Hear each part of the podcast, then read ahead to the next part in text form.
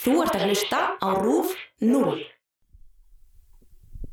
Agnes, Mamma, ég er á fucking klósettinu. já, dagskráin er að byrja. Ég var búin að segja þér, ég ætla ekki að gera þetta. Þú hefði bara ekki átt að koma heim sex í morgun. Þú veist alveg að það væri eittamót í dag. Ég er ekki eins og með fiðluna. Í Bíotíu dagsins tökum fyrir kvikmynd Silju Haugstóttir frá 2019, Agnes Joy.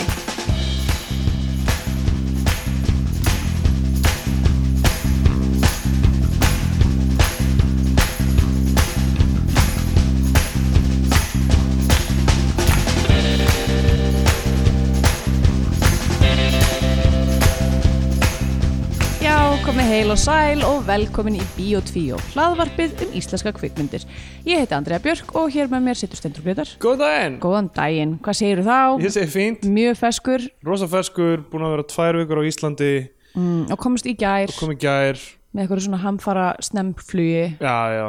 alveg svona rótaður ennþá, sko. Já, Um, og líka bara að venjast í að... Það er, já, það, ég meina það er eh, svo sem ekki bjartara hérna. mm, Jú, eitthvað er það ekki? aðeins, jú, Já, það er aðeins bjartara hérna. Og líka náttúrulega klukkan er, þú veist, það er annar tíma, Já. annar tímabil dags. Þetta, þessi eini klukkutími fokkaði þér upp Nei, já, já, rosa Nei, þetta ekki vaknaði í morgun þá var þú veist bjart hérna. Já, emmitt, varst þú vanur hérna, myrkrunu já endalösa það er, kl- það er nett klikkað sko en ég veit ekki hvað mér finnst um það af því ég held ég, held ég sofi aðeins betur Mm. í myrkrunu já, af því að það er svo ni niðadimt, Já. segir maður það ekki Jú, eins og ég segi, smáruglaður hausnum já, en, uh, en svo líka sko þegar maður er vaknar, þú ok, klukkan hringir maður vaknar og það er bara allt svart já, og, og, og maður er bara eitthvað, þetta getur ekki á- verið rétt getur ekki verið rétt að ég vakna núna já emmitt, ég held bara áfram að sofa Já, að, þú veist, það er það sem eh, líkaminn minn er að reyna að segja mér. Já, já, já, emmitt, en þú þurftur að vakna samt Já, ég Já, þurfti það er nefnilega, það er það sem er svo fokkt er að maður þarf að drífa svo fætur að Svona almennt Nei, eða, þú veist, að því að það, mér finnst það ekki efna erfitt hér, að því að þú veist, það, Það er bjart, já. það er bjart og ég er eitthvað svona, jæja, já, ég ætti kannski að fara, fara, fara á fætur og svo náttúrulega með hérna, lifandi vekjara klukku í húsinu mínu sem er köttur minn, Já, já þannig að e, það er ekki það er hægt að fara á fætur, en hérna Þetta er það sem, þú veist, á, eftir- ok, Björt framtíð kom fram með þetta mál á þingi já, hvað færa klukkuna þetta var og- þeirra bananabitir það voru þetta klukkumóli sem draf þau einmitt það, Já, það var, það var algjörða það, það var ekki neitt annað sem- Nei, uh, En, eh, já, ég hefna þetta er, eh, þú veist, þetta er svona mál sem fólk getur talað endalust um, sko, Já. Mm. eitthvað, hvort er betra að fá eitthvað svona náttúrulegan hvað heitir þetta, svona circadian rhythm eða eitthvað Mhm. -hmm. Circadian rhythm oh boy uh, og uh, eð, eða að geta að fara í golf síðdeis eða eitthvað, Þetta er eitthvað svona, það- svona. Uh. en ég, þú veist, ég skil það alveg það er ógæslega leið að koma heim úr vinnunni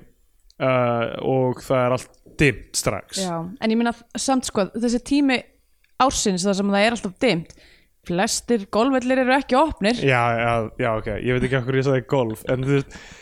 pæ- pointið er eitthvað, þú vilt geta fara úr vinnunni og verið í, í, Já. í sól eða þú veist, Já, það birtu. er aldrei að fara að vera sól það er að fara að vera eitthvað svona skíjað og súld Já, en, en þú farið að fólk er- upplifa það fólk er að missa af skrefið þarna Já. sem er það að þú veist, vinnan er það sem er fyrir Já, já, já, einmitt Þú veist, það er þessi vinnudagur þinn sem er fyrir þú, veist, þú ert ekki að njóta Lífsins, byrtunar já. af því að út af vinnunni, það er ekki út af klukkunni Já, rétt þannig að, uh, já ef, Það sem þú ert að segja er að við ættum að flytja vinnutíma yfir á nóttina já, eða bara leggja af vinnutíma Já. hvernig væri það? Hvernig væri það? Ég er, nú, nú er ég komin aftur í það, þann lífstíl Já, uh, að vinna þegar mér anskotan sýnist og ég elska það það er ég var hérna uh, ekki alveg að mig eða, sest, ég, er svona, ég er að- ennþá svona pínu að prósessa þessa vinnu sem ég var í og, og akkur mér fannst það ekki alveg nóg næs já, og akkur ég hætti og svona og ég held að það sé- hafi alveg verið stór partur að því bara eitthvað að þú veist að vera einhvern veginn fastur við eitthvað skrippborð allan sólarhingin já, uh, er ekki, það hendar mér ekki og hérna, ég þarf einhvern veginn að geta farið á melli verkefna og einhvern veginn, þú veist verið með einhvern, einhvern annan takt eða eitthvað já hef, hef, ég held að hef mannlega eh, ástand sé að uh, vera ekki með of mikla rútínu heldur sko. Já, einmitt Þú veist, ég, á Íslandi var að hérna, ég var náttúrulega var að vinna aðeins og, og hérna, náði að sjá mikið af einhverju list Já. fór þrísar í leikhús, fór Nice. tvisar í bíó meðal hans myndina sem við ætlum að tala um í dag já, uh, en ég var aðalega að hérna, skoða litla frænda minn sem Já. er sem sagt, sonur uh, systur minnar varst aðalega bara eittir eiginlega mestum tíma í að bara horfa ég, ég, já, stara á barnið já, ég Ah, The var Baby mjög mikið Steindór. já, hann heiti Steindur líka og ég var mjög mikið að fara heim til þeirra og bara svona, þú veist, láta reyna á þólimaði þeirra með að ég veri heima með þeim og sko, hann eh, við getum lært mikið af þessum börnum nú ok af því að hann bara s- safnar þann við já, og borðar vælir og þá fa- kemur einhver og gefur honum mat og svo bara ef hann er eitthvað erf með hann þá guppar hann honum upp Já. yfir öxlinum hans og svo er hann bara eitthvað þú veist, hann, hann þarf ekki einu sinni eitthvað mikla afþyringu, hann er bara eitthvað þú veist, fólk er eitthvað að geifla sig og það er fínt og eða stundum bara eitthvað prumpar hann og það er fyndið já og af hverju lifið við ekki öll svona ég, mér finnst ég gera það sko Já, ég, þetta er, ég, ég meina þetta er það sem virkar kennlega, ok, það eru stóra skapsöflur auðvitað, þú veist, já, það getur leiðilegt þegar þú getur ekki prumpa í smá stund og þá verða að gráta smá eða eitthvað en, en svo tekst þér að prumpa og það er uh, fyndið og Já. gaman. gaman þannig að þetta er, það sem lífið um. snýstu já ég meina ég, mínar skapseflur eru líka að miklu leyti til byggðar á meldingunum minni þannig að algjörlega ég þú bara veist- tengi mjög mikið við þetta já, þannig ég held að þú veist, þín vinna sé örgulega meira í líkingu við hvernig hann lifir já, á meðan ég er ennþá, ennþá dálítið 9-5 já, og þegar ég vakna þá er ég skapillur og, og þú veist, ég með þetta meikar allt sens look Mhm. Já. to the child við getum lært mikið frá Baby Steindor ég er alltaf að fara að segja The Baby Steindor uh, hann, er- hann er náttúrulega hinn smurði og við verðum að að því ég setti smjör á hann og ost og bakaði hann inn í opni og borðaði hann með guacamole af því hann er svo sætur Æ, hann er svo mikil dúla, hann er mjög sætur hérna, já, ég, þannig þú ert pínu tjónara þegar þú sólringur þinn er fagi já, aðalega bara því ég sá hvernig við getum lifað já, og þú ert, Og ég er ekki að þú ert lifa að það. upplifa harm já, já, þetta þetta er sjokk sko þetta er eins og þegar Neo vagnar í þessum slímuga pot þarna já, í- það er mitt sér að lífa þessum líi já, uh, skemmtilega nótur sem við erum að byrja hérna á uh, já, fjórða starfsáruð okkar já, þetta er fyrsti þátturinn á fjóra starfsárinu já, um, og það er desember, það er aðvenda uh, er aðvendan byrjuð? er, er það ekki, það lítur að vera Mm, byrjar held ég næsta sunnudag okay. hérna, uh, já, ég er líka pínu tjónuð ég hérna ákvað að uh, taka upp klifur og er búin að aðvenda er vera að fara byrjuð að klifra er hún byrjuð, já, Já, já, þegar þáttunum kemur út já, já, ég mitt hérna Já, það klifra já, sem er mjög gaman nema það að uh, ég fokkaði bakinn á mér umsögulust Ó, já. ég fór í, búin að fara í tvo klifutíma og ég er strax búin að eðalegja um bakið og er búin að vera bara eitthvað haldrandi um í heila viku og ég let það samt ekki stöða mig í að fara á Berghain á sunnudaginn Já, herði, já, það var að segja það var Ísland, íslenskt Eh. Já, kvöld það var Íslensk kvöld á Berghain eða sérst uh, Adde Exos uh, hérna um, hvað maður að segja A Legend in the Field Já, já, um, old school sjámli uh, hann var sérst að loka uh, Berghain Main danskólanu á sunnudaginn eða sérst á sunnudagsnótt slags mánudagsmorgun og, uh, og við vorum að gestalista þannig að við sá, sáum okkur uh, enga aðra völ en að bara fara og hérna já, það var ekkert annað ekkert annað í stöðunni, nei ég menna þú veist hérna maður mæti nú fyrir Íslendinginu, eða ekki Jú, jú, Eh. akkurat, uh, sína og Við erum að tala um, sko, A- Arnviður Snorrason Addi Exos Eh. já, Búin að vera í, í teknósýninni frá Já. ný, bara nýjönda ártunum einmitt og þetta er svona culmination, career Já. culmination bara Já. þú veist, að loka danskólinu á Berghain er alveg svona Já. eitt stærsti hluturinn sem þú getur gert Að byrjaði, hvað, hálf þrjú aðfra nótt mánudags já, og við mættum hann klukkan eitthvað aðeins yfir 11 Sunnudagskvöldi Já, og það var mjög skrítið af því að við vorum bara eitthvað blá etru og bara einhvern veginn svona, þú veist, þetta var sunnudagur þannig að maður er einhvern veginn ekkert eitthvað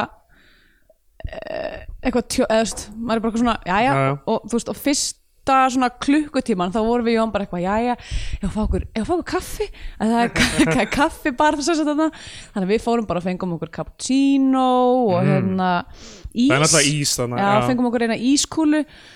svo var, það var rosalega gröð og klósti og ég hérna, fór, fór Það rauð á klósetu Já, það, já, ég, ég, ég, það var hérna eh, en ég fór á, á kvennaklóstið sem ég hef aldrei farið á áður um, Er það eru- kvennaklósett? Já, það er kvennaklóstið á neðstu hæðinni sem, sagt, sem ég hef aldrei farið á áður og þar var Dyson Airblade og ég var bara í þessu mindseti Hmm. Dyson- Dyson... ég hef langa tíma bara koma ég hvað textaði Jón, eitthvað, Jón, vá, það er Dyson Airblade á kvennaklóstinu er það, á- það er ekki anstæð Dyson Airblade hljómar eins og þessi nafn á einhverjum DJ Ok, Ég fór bara á klósetu á Berghain og hitti Það- Dyson Airblade geggja DJ-nöfn Já En já, en svo hérna uh, svo tók maður nú aðeins við sér búin að fá- skella í sig einu cappuccino, einni ískúlu og svona og hérna og já, og var þarna í tíu, tíu allavega tíma Vá já, uh, og bakið á mér er ennþá í rúst Já, já. Eh, En þú en dreifst ég- ekki til lókunar Nei, Það er að lokar svona um háti á mánudag já, emmitt, Jón dreif til lókunar ég Já, vá. var bara, gat ekki ég var, orðin- ég var svo þreytt í bakinu af því, út af þessum íþróttameðslum Já, já, en ég samt klokkaði 15 kílómetra ok, vel gert Já Kíktu, það er alltaf mjög gaman þegar maður fer, að, fer á djamið er að kíkja á skrefamælinn sinn daginn eftir að vera bara þetta er nú bara þetta er nokkuð gott Já, það verið gott að sjá sko svona GPS-kortið að þér að lappa þess að því að Berghain er alltaf stór staður já, en maður, sé, en maður myndi bara sjá línurnar hver, hver þú ert að flakka á milli já emmitt og þú veist kannski eitthvað svona mismöndi lítur eftir hraða af hverju sinni og þú veist hraði að þú ert að lappa á staðunum í rauninni þú ert að dansa já, Eitthvað, það, er- það er það er Já. gott sko e, af því það er náttúrulega eh, eins og frækt er má ekki taka neina myndir en Nei, hinn eru allar aðrar upplýsingar sem síminn tekur má svo sem gera eitthvað með já, og þú- þú hérna, ert, sólarhingurinn þinn er í lægi þrátt fyrir þetta eiginlega ekki sko en hérna en, en við erum samt hérna að taka upp og í Það dag er rétt. ætlum við að tala um kvikmyndina Agnes Joy Já, ég fór á hann í bíó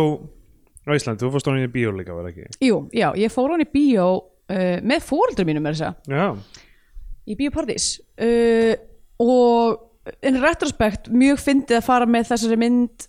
fara á þessa mynd með mömmu sinni Já. og sita hliðin á mömmu sinni uh, af því að þetta er sem sagt kvikmynd sem fjallar um svona að- að að miklu leiti til svona burðarþungi plottsins er aðalega samband móður og dóttur já uh, hún var frumsýnd 16. oktober er þetta kannski hraðast í viðbræðstími bíotíu frá upphæði? gæti verið sko og ég veit ekki hvort að fólk uh, hérna, þú veist Er búið að sjá hana? líklega ekki þannig að það er kannski ekkert margir að fara að hlusta Já, já, jú, við, Strax. það getur verið um, það- Hún alltaf, já, fólk fer í bíó á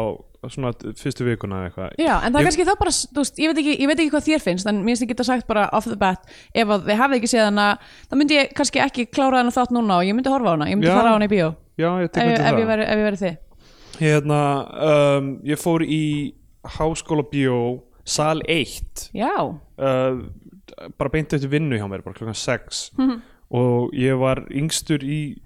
bara í salnum by a mile Já, og það. voru svona, það voru svona áttamann svona,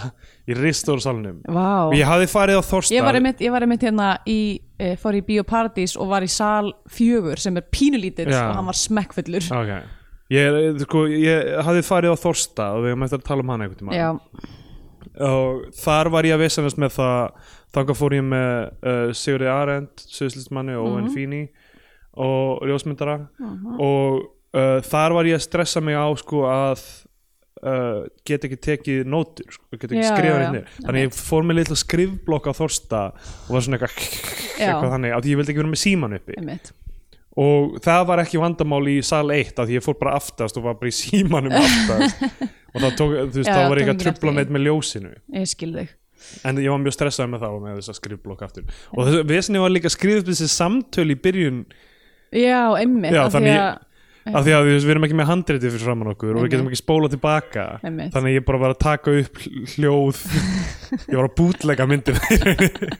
Ég vona okkur verið fyrirgefið það. Já. Já, ég, er samt, ég er í sama, sama pakka með, ég er opnaði nótuna mínar sem að ég skrifaði náttúrulega að því ég horfði á hana á Íslandi fyrir hvað mánuði síðan uh, og ég sé það að ég hef ekki skrifað henni sérstaklega mikið og það var held ég aðalega bara út af því ég gæti ekki séð neitt og var alltaf eitthvað býð eftir að kæmi mi- eh, sem sagt, eh, kæmi atriði sem að var að gerast utan dyra Já. til þess að vera nógu mikið lýsing frá skjánum til þess að skrifa um, en já, ef ekki bara vind okkur í Já, þetta þetta er,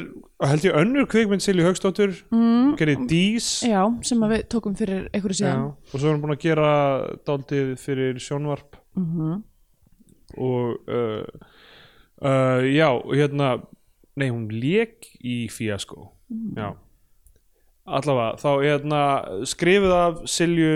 Haugsdóttur, Rannveig Jónsdóttur Jónu Friðriku Sæmundsdóttur eftir hugmynd Mikaels Torfasonar já, einmitt mér langar að vita hver hversu hugmynd var já, Hvað, herðu, hvað ef þú veist, Þetta er- það þetta er- kemur gaur og reynir bara að ríða bara öllum í fjöls, Hillir í einni fjölskyldu Það er ekki að byrja þannig og svo eru þær eitthvað Ok,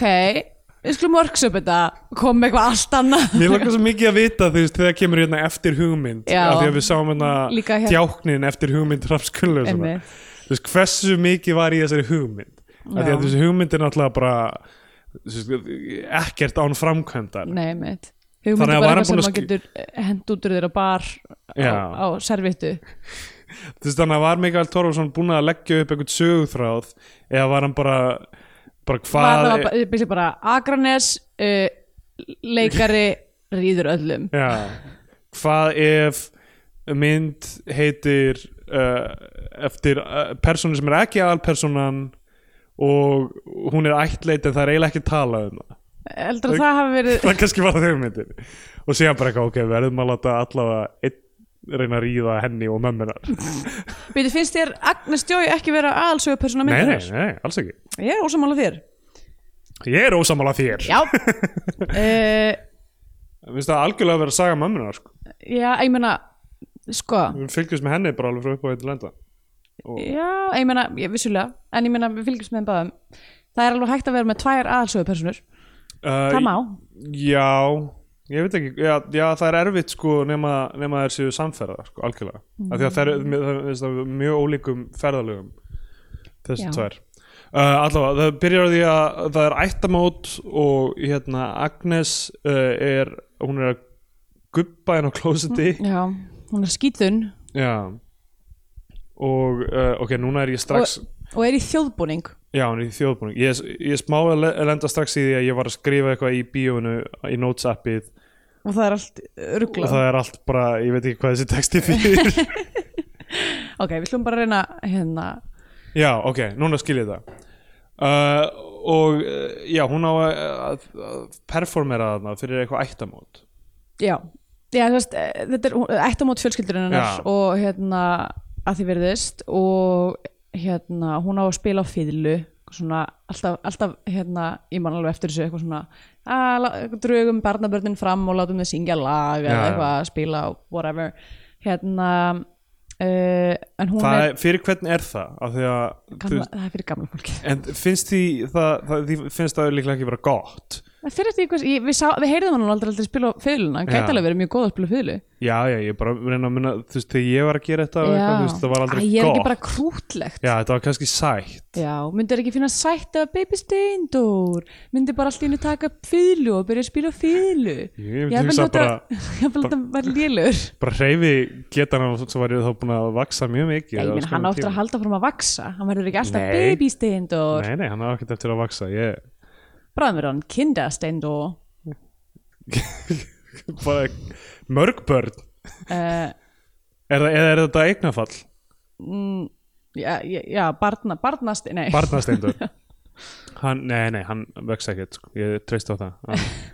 þegar ég kem næst til Íslands þá var hann þá jætt lítill uh, já, og hérna uh, þetta, ok, hún performerar svo förum við yfir í vinnuna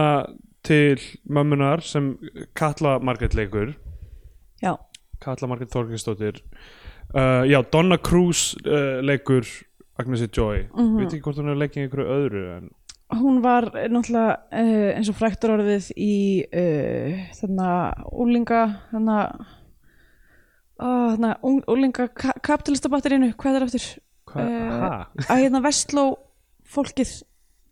já, hérna áttunni eða Á- já, 12 og á- 0 eða eitthvað hann tó, á- já, já, átt, áttan, áttan. Ég, Ó, er hún í ég er áttunni? alltaf, eða hún var, hún Ok. hætti í Ó. þe- þessu batteri af því að þau eru svo miklu rasistar í alvörunni já Vá. um, allavega ég Já, veit en ekki að Donna Cruz hætti í átturu Þetta var bara komið gott Eh, ég veit ekki hvort það sé af því að þau voru rasistar en allavega uh, það var mjög mikið verið eitthvað svona að gera brandara út á það að hún væri Vá, já, ok með annan En bak það, það, já, ok, það kemur ekki fram í hennar orðum en, Nei, þú veist, það getur vel verið að þú veist, það, að, það sé ekki það en allavega það, Já. það var eitthvað sem ég sá allavega, hún hætti þar, þannig ég veit ekki hvort hún hafi gert eitthvað mikið annað en það en allavega, hún er sérst leikur þarna eitt af aðluturkunum Já. og, og hérna og, uh, og besti vinurinnar er leikin af uh, Króla. eða Já. Krist, Krist, ég ætla að giska á að þessi standi fyrir Kristin Óli Já, um, Ég sá hann einmitt, ég sá eh, Improv Ísland ó, ef þið til það með þá fyrir fjóru sinum í leikhús Já. Mhm. á tveim vikum og uh, ég kem mjög tættur úr þessari ferð sko. já, ég sé það ég held ég hafi hitt þú veist, f- farið á þú veist, tíu mismöndi staði bara síðasta daginn minn bara til að Jesus. eitthvað ná að hitta fólk Já. og segja bless og eitthvað Einmitt. um, og uh, já, ég sá hann m- sem monologist á Improv Ísland Mm. hann er mjög uh, svona likeable gaur Já, ég held að uh, það hafi kannski verið ástæðan fyrir því að hann var kastaður í þetta er að hann er mjög lækaból uh, já, var svona pínu uh, hérna, kom ykkur líf í sér mynd Já, Ka- Katla Margrét hún, sko, þau, þau eru með e, þetta er einhvers konar fiskvisla eða eitthvað, eða hvað er þetta? uh, ég, Það er bara ég, eins og eins og eitthvað vöruhús Já, emmi, það er ekki alveg ljóst Nei, ég held að það sé bara eitthvað svona innflutnings og útflutnings eitthvað Já, ég, þú veist, ég, ég bara manna ekki alveg, Af því að það er dálítið alltaf eitthvað sem ég sá svona- þetta verið að hérna spurja um eitthvað svona að hvað er sendingin fyrir þetta eða eitthvað bla, Já. bla, bla. en ég, m- ég, það er ekki, það, ég held að það sé ekki alveg ljóst hvað það er sem, Já, að, sem þið á gera Akranesi Já. og það fundur mjög snemma sem s- eh, hún er, hún er sem sagt einhvern veginn yfir þessu batteríi Já, hún og- hefur erft sem sagt erft þetta Já, og hún er svo Hlutverk. eina í stjórninni, býst ég við eða framkvæmta sem stýður ekki að fá starfsmannarlegur Já, inn fyrir sko, það, það, þarna er ég smá ringlaður sko, af því að þú veist, starfsmannarlegur er yfirleitt fyrir svona tímabundu verkefni mm. þú veist, það er kannski að byggja eitthvað upp mjög skömmu tíma eitthvað þannig ég held að það sé örgulega mjög erfitt að reyka eitthvað svona dæmi á starfsmannarlegum af því að þú veist af því að ég, ég, ég held þú veist, ef þú veist með starfsmenn sem er að sinna stanslösu þú veist, eitthvað import-export eða hvað þetta er eða já, einhverju dreifingu eða einhverju ég meina þau þau þurfa náttúrulega að gangast alveg undir íslenska kjarasamninga ég held að Fyrir það sé eitthvað svona nefnilegt, vinnu, er eða? það samt ekki dæmið með þetta að þú veist, það er óslega mikið af fyrirtækjum sem eru að svona playing it fast and loose með starfsmannlegur jú, en ég held að yfirleitt þá er það af því að það er eitthvað svona tímabindu verkefni og, og þú veist, það, það er eitthvað sem þú þarft ekki að en- endanum að rey, láta reyna á þólimæði einhvern veginn verkalýsfélagana Ok, með En- því að þú sért einhvern veginn að undirbjóða Já, en er það kannski ástæðan Varanlega. fyrir að hafa hennan fund? Allavega, við vitum ekki nákvæmlega hvað þau gera þannig að það Já. er erfitt að, erfitt að giska á það og það er kannski viljandi að það er óljóst hvað fyrirtæki gerir Einmitt. en allavega, þetta er, þetta er punkturinn, einn af punktunum á sem fundi er og henni líkar ekki við það að það sé verið að svona uh, brjóta lögin Já. uh, á þennan há En þetta er ekkert eitthvað sem kemur eitthvað eh, inn í myndina þú veist, nema að þetta er eitthvað svona aðeins leist í, lú- eða samt eiginlega ekki leist þú veist, í lókin þá erum bara áfram með þessa skoðun, sko. Já, nei, nema hún, hún hérna implementar hana Sess, það sem er gerist í byrjuninni og þetta er svona byrjuninni lá, einn, einn af punktunum í hennar örk er eitthvað svona, hún er þú veist uh, hún beitir sér ekki Þú veist, hún er Já. búin að pínu að fljóta í gegnum lífið af því að hún er einhvern veginn bara dofin uh, Mm. þannig að hún til dæmis á að heita uh, þú veist, formaður stjórnar og, og yfirmaður á þessum stað en hún segir bara svona mjög svona máttlust, bara eitthvað svona já, mér líst nú ekkert á það að vera að nota svona Já, þú veist, já. við eigum ekki að vera að gera þetta en allir aðri stjórnin eru bara, já ég meina þú veist heyrði, þetta er bara gott fyrir business og þú veist við höldum bara svo áfram og þú veist útkoman á þessum fyrsta fundi er byrjum bara hvað við erum að fara að halda þessu áfram þótt að hún hafi Þau eru ekki með starfsmannulegur þarna, sko. Það er, ekki- það er, þau eru með bara að- að eh, hvernig veistu- launþega, sko. Það er alltaf sami gaur að vinna þarna, þú veist,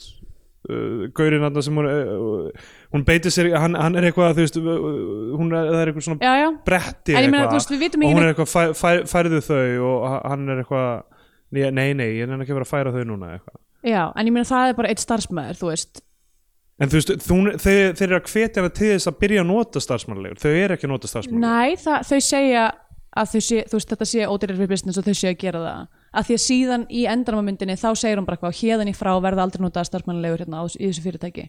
Ó, ég las endin þannig að veri og ég festi það í reglur að það muni aldrei verða að nota starfsmannalegur ok, allavega, hvort sem það er Ok, þá, ok, þá meikar, þú veist, ok, þá meikar aðeins aðeins meira sens ef, þú, ef það sem þú segir er rétt að þessi partur einhvern veginn af örkina því mér fannst þetta svo veikt í rauninni eitthvað ef hún er bara eitthvað ó, við ætlum að fara í í félagslega undirbúð hérna eitthvað, nei, mér líst ekki á það og svo í endanum er bara eitthvað, nei, mér líst ekki á það já, einmitt um, en þú veist, ef þetta er Íslendingur sem, sem er þarna það, fyrirtæki geta alveg bæði verið með fasta starfsmenn og líka nota starfsmannalegur já, það, það, er, það er alveg hægt sko þetta er svo fámennt fyrirtæki eitthvað þetta, Ég að meina, við sjáum bara part Já. af starfsmenn, starfseminu, Ok. við vitum ekki nákvæmlega hvað þau gera þannig að það er mjög erfitt að giska á það algjörlega uh, en allavega það er það sem, og, það, og þú veist það sem að, ég veit ekki, mér, finnst- það sem mýst áhært við þess að mynd mjög áhært er hérna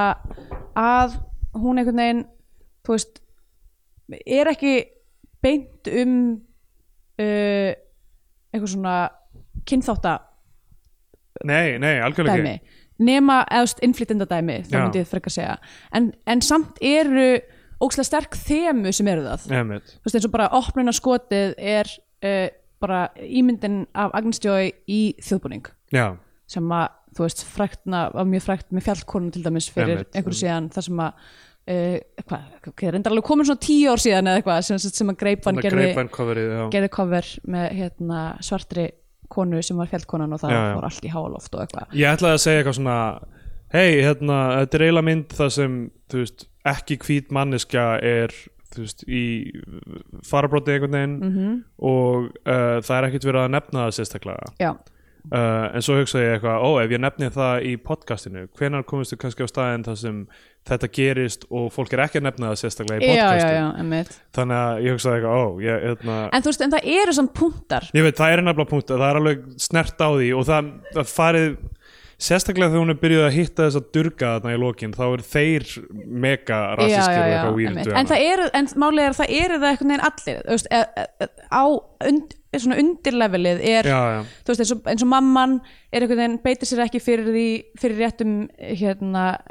réttundum innflytenda já, uh, en ásamt barn sem að er ættleitt já, já, uh, og amman elskar dótt, uh, barnabarni sitt ókslega mikið en er samt ókslega mikið rasisti alltaf að hlusta út upp sögu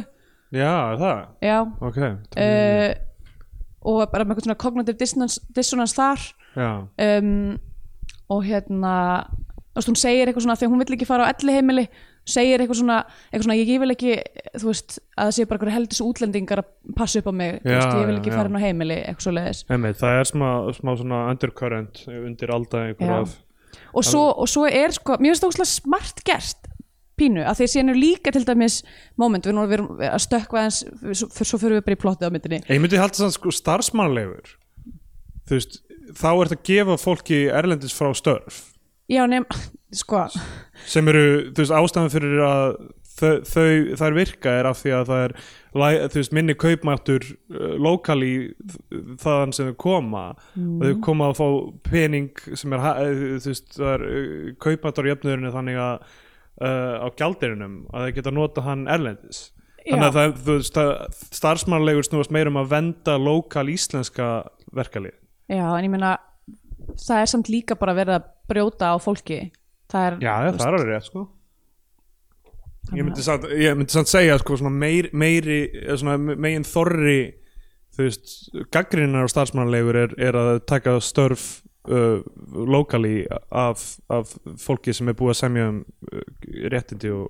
og laun sko. já, líka en það er náttúrulega, það var þarna eitthvað svakamál með það sem að var búið að vera svindlókslega mikið á, á starfsmönnum Algjörlega, algjörlega, það er alveg rétt sko. starfsmönnlega og, og svona Já, og það, ég meina, eftirlitið með, með því, því er slæmt og þú veist, fólk býr stundum í einhverju húsnæði sem er eitthvað einmitt, hella sko. nákvæmlega en hérna, uh, og svo er sérst þrið, svona þriði hluturinn, eða ég veit ekki hvað ég er búin að telja upp marga hluti sem að ég tók eftir sem er með eitthvað svona þú veist, eh, mér finnst það úslega vel gert er að, þú veist uh, eh, við sem, þú veist, af því að við erum öll, við eh, berum öll innan með okkur einhvern- einhvern x mikinn x mikið magn rasisma Já, bara, já. bara frá samfélaginu sem við ölumst upp í og hérna uh, og það eru svona nokkur mótíf í myndinni eins og til dæmis það að Agnes er eitthvað svona hana dreymir um að komast frá Akranesi hún er bara eitthvað, við, eitthvað ég ætla bara að flytja í bæinn Ég ætla Já, bara, já. og er eitthvað svona að skoða gett mikið af þrifastörfum og svo er hún að æfa pole fitness já, já, og það er svona eitthvað svona stef sem er eitthvað svona þetta er það sem að erlendar konur gera já, og mamma hennar verður brjáluð þegar hún sér þetta einmitt uh, en það er aldrei hreint út sagt heldur bara o- treyst á okkar þekkingu frá okkar samfélagi til þess að fatta þessa tengingu já, já, algjörlega uh, sem að mér finnst mjög nett að bara hvað show don't tell Já, algjörlega, það er nefnilega ekki verið að þú veist, það það er ekki einhvern veginn verið að þrýst þessu framann í mann emmitt Vá, Kristina deyja í næsta herbyggi Já, herri, við verðum að halda samt áfram Leðilegt að heyra með Bara við verðum að vinna vinnun okkar hérna sko. Já, einmitt Hérna, allavega Annars fær Rúf bara starfsmannlegu til að til, til að taka- fjalla um íslenska taka kvikmyndir bíótíu. já. Uh, já, uh, Þorstein Bakman er maðurinn hennar og hann er, þú veist, hann er ennþá uh, minna aktífur, hann er eiginlega bara svona hann er bara þunglindur Já, hann er, já ég ætla bara og, að segja það og þú veist, hann gerir hún ekki neitt hann, þú veist,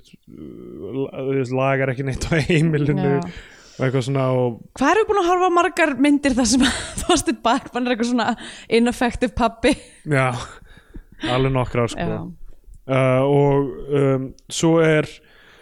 er hérna Agnes Jó á einhvern vinahóp og þú veist, strákanir hafa bara áhuga á fótbolta já. þeir eru alltaf bara að tala um mörkin ú, ertu búin að sjá þetta mark og alltaf sinna rétt að hvoraður um síma hérna, herrið, nú getur þú hort á markið í staðan fyrir að eitthvað senda það á milli eða eitthvað Það- uh, allavega þá hérna uh, henni leiðist það Já. þetta er Akranes og það leiðist öllum Já. er svona uh, fyrsta, fyrsta aktið er byrjuslega bara hvað við erum að sjá uh, smábæ í Svepdala uh, það, það eru allir að drepast úr fokking leiðendum hann Þorstin Bakman er bara hvað þunglindur, hann er bara alltaf að horfa á Netflix eitthvað í, Já. þú veist, tölvuherbygginu uh, mamman er bara kallaði bara eitthvað svona, þú veist slumpuð, bara hvað er svona búin að tjekka út í vinnunni og hérna þú veist, fá sér hvítvín á kvöldin og hérna uh, ekki díla við Já, hjónabandserfileikana já. sína og eitthvað svona, þú veist já, og svo, er, svo sjáum við Agnesi og hún er bara eitthvað svona þólir ekki krakkana í bænum þú veist, þeir eru bara eitthvað að fara, fara okkur fyllir í Já. úlíka fyllir í Króli er svona, þú veist, vinur hennar svona, svona, svona smá eins og þau kannski getu byrjað saman eða eitthvað þannig þú veist, hann er eitthvað svona smá protect, protect protective með hana sko mér fannst þið bara að vera vinir sko, ég var ekki að lesa neitt Já, já, en þú veist hann, já, hann alltaf verður með svona sár yfir þessu með bjöllin allt saman sem síðan gerist sko. já, það var náttúrulega líka bara út af því að hún beilaði á honum eða þú veist, Já, já, þú veist mér fannst eins og að vera einhver tótna afbrýðið sem ég sko uh, já,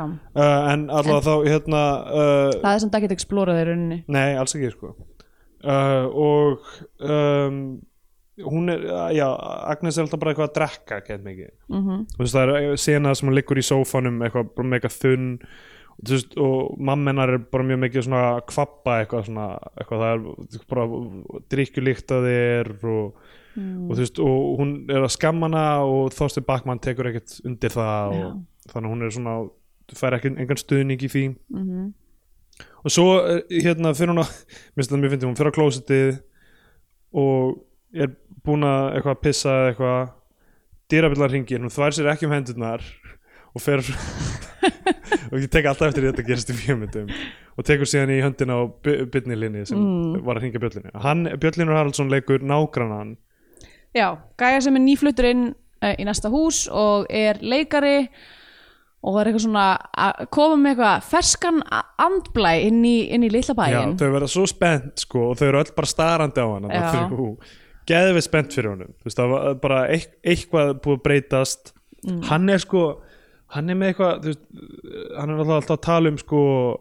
þú- hvað hann er að gera og hann er, segist líka vera með íbúð í Reykjavík -hmm. sem reynir síðan ekki vera þú veist, hans íbúð Mhm. já. og þú veist hvað er hann samt að gera á Akranesi Uh, ég held að hann sé bara blankur já, og hérna og eitthvað svona að reyna mögulega að vinna í sínum málum Einmitt. uh, en mér finnst það, já, hann er sem sagt er, er, kemur hann inn og er eitthvað svona leikari og eitthvað svona spennandi mjög eitthvað svona klæðir sig allt öðruvísi heldur en allir að er, þú veist, þarna er að agransi eru bara allir í hérna, flýspeysunum sínum eitthvað, whatever Já, ég held að það sé örglega ekki þannig í alvörunni en, nei, nei, en þú veist, en það er þetta er sem sagt pínu established í myndinni Já, já, að þú veist sem sagt, að því það er eitthvað atrið þar sem að uh, hérna þær fara meðgurnar eitthvað í spútnik og hún er að kaupa sér eitthvað kjól og mamman er bara eitthvað skilur ekkert eitthvað býtu allar að vera í kjólnum yfir buksunar já, og einmitt þær eru eitthvað svona oh,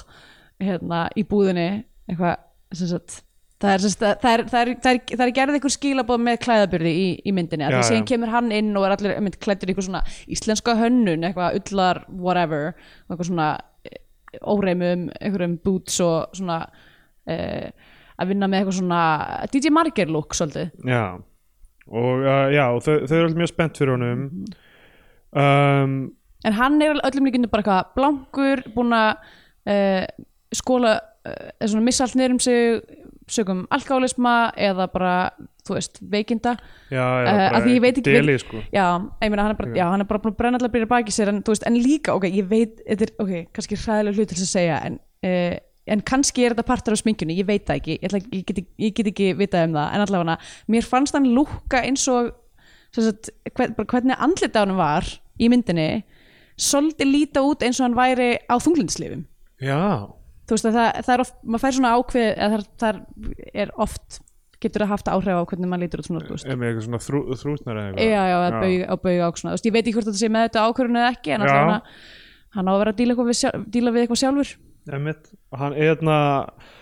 uh, Já, að fjölskyldan er búin að vera að plana ferð til Filipseyja já, Þú veist, að það, það á hann að vera þaðan eða í, já æ- ætlit Já, það þau- já, þau segja, það- ég held að segja það svo sem ekki en, Nei. en það var svona í aði skilningurum var, þú veist, þetta væri eitthvað svona Sem ok, þau núna er höfðu- komið já. tími til að einhvern veginn svona skoða ræturnar og, já, einmitt. eitthvað. og hún segist að endanum ekki vilja fara með þetta, Já. eitthvað ferðum jólin hún er bara eitthvað, þið eru bara við það að fara að skilja þið, þú Já. veist, akkur gerir það ekki bara þið, þú veist, ég nenni ekki að vera með ykkur í einhverju fílu já, og, hún- og, og mamma hennar er eitthvað hei, þú, þú, þú, ert búin að vilja þetta síðan, þú ert búin að vera að tala um þetta síðan bara um fermingu eða eitthvað hún á að vera hvað S- 16. 16 já, Já. um uh, og uh, já, hún bara eitthvað vill ekki fara með uh, í, í, í, hérna, í skólanum þá Pálmi Gesson er íslensku kennarinn hennar já, talar mjög hægt mér já finnst það mjög fyndið. hann er að vinna með hérna Bueller Bueller Já Og uh, Agnes kemur inn eitthvað Er það þarna sem hún uh, tekur prófi? Já, þarna fyrir hún eitthvað á að taka eitthvað próf og bara eitthvað lappar inn og seint, eitthvað í leðurjakka Já. en það er eiginlega aðeins setna Eða setna, Já. ok Uh, ok, það, já það kemur eitthvað senna uh, Katla uh, er eitthvað á skrifstofunni hún byrjar að fróa sér já, hún er tjækt út úr vinnunni hún Já. er ekki eins og eða hún er bara eitthvað uh, það er þóngu til að einhver bakkar Já. liftara í Nákvæmlega, hún er skrifstofunum sína trubluð mjög oft bara í þeim prósessin að fróa sér já, tekur hún um síman, hún er alltaf ekki mér að þvó sem hendur þar Er þetta, er þetta þitt stærsta takeaway úr, úr frá, frá þessari bíómyndu Ég var bara að engin umlega að þrýfa sér um hendurnar Ég var upplegð svona germafób einhverja tilfinningu já, fólk er alltaf eitthvað í klófin á sér og síðan að snerta hluti hérna- Mm, en hérna, við sérst, já, í þessu atriði þá fá no, nokkra hlutur established, það er að henni leiðist í vinnunni uh, hún er ófullnægð uh, og svo er hún er alltaf að fá hún er alltaf að fá uppringingar frá mömmusinni Já, sem að er uh, sem sagt svona hún, já, sem sagt uh, var greinilega involverið í fyrirtækinu áður en hún er á- komin á ellilíferi uh, og neytar að fara, fara of- inn á heimili og fá sem sagt hjúgrun já, um, en er eiginlega of gömul til þess að búa einn emmið um, og það er, það er svona tens hérna og þetta er svona já þetta er í rauninni mér finnst, eh, myndin er eiginlega svona þryggja eh, hérna generational einhvern veginn Já, já, konflikt um, þar sem að já, sem að hérna Bergman, eða sérst ekki Bergman, hvað segir maður uh, speglaðist ákvæmstlega vel í því er að, er að hérna, Katla er alltaf að skrína símtöl frá mömmu sinni Já, og fara svo beint í þegar hringja í dóttu sína emmið sem mér finnst alveg mjög nett hérna Eh, en hún er sérst alltaf að ángrana, ringja í vinnur og eitthvað svona, hún má ekki kera bíla því hún er svo gömul og er alltaf eitthvað svona að ringja í dóttu sína til þess að láta hana þjóna sér Já, b- komið mat og eitthvað þannig Mhm. uh, Agnes uh, er heima hjá einmitt ömmunni og er að reyna að stela stró 80 frá fyllari classic það hefi Já. uh, og amman er eitthvað svona, heyrðu farið bara það að kippa bjóra þarna, drekktu hann í staðin Já. um, Kalla fyrir til uh, læknis út að byrja, akkur, hva, akkur líður henni eitthvað illa Það var eitthvað- uh, hún getur ekki sofið hún Já, er bara einmitt. kvíð, kvíði eða Já, já, hún vil fá sóbrýl já, og hérna uh, fær bæklingum breytingaskeiðið frá lækninum já. uh, og já, amman er líka alltaf að te- tala um sko fít, að þú veist, eitthvað vera mjó og eitthvað svona hún er að setja rosalega mikla svona kröfur um uh, já, að, að já, kalla grenni sig og eitthvað svona. já það er sérst að vera það er hérna uh, einhver, það er einhver harmur sem er vera sem gengur í arf já, í milli þess að þess að kynnslóða uh, sem að er svona já uh, mjög, mjög svona þekkt íslensk tema myndi ég segja um, já þannig að það er basically bara fyrst, fyrsti helmingunum myndinni er bara rosa mikið establishing bara við erum að sjá, við erum að kynast karakterunum minnst það vel, bara, minnst það bara frekar vel þétt skrifað þannig að já bara gaman að fylgjast með þessu það er alveg eh, einstaklega vel skrifum mynd myndi ég segja Já um, áhugavert að vera með svona unga leikara eins og ha- hérna Donnu og Króla, mér finnst þau bara komast ágætlega frá þessu en, en, hérna, en það var svona, maður sér svona pínu einhvern veginn með við alla hérna professional leikarana að það er svona aðeins mi- pínu munur á þeim hérna uh, ég skrifaði greina, ég veit ekki hvort það sé ósangjant, skrifaði Króli brosir of mikið uh, svona með við alla aðra í myndinni þá er hann svona, en hann er beislega bara að leika svona svolítið sjálfan sig einhvern veginn Já, já, Eh. það getur verið En Ég meina, ég, þú veist, já, hann álíka að vera svona dálítið sp- bara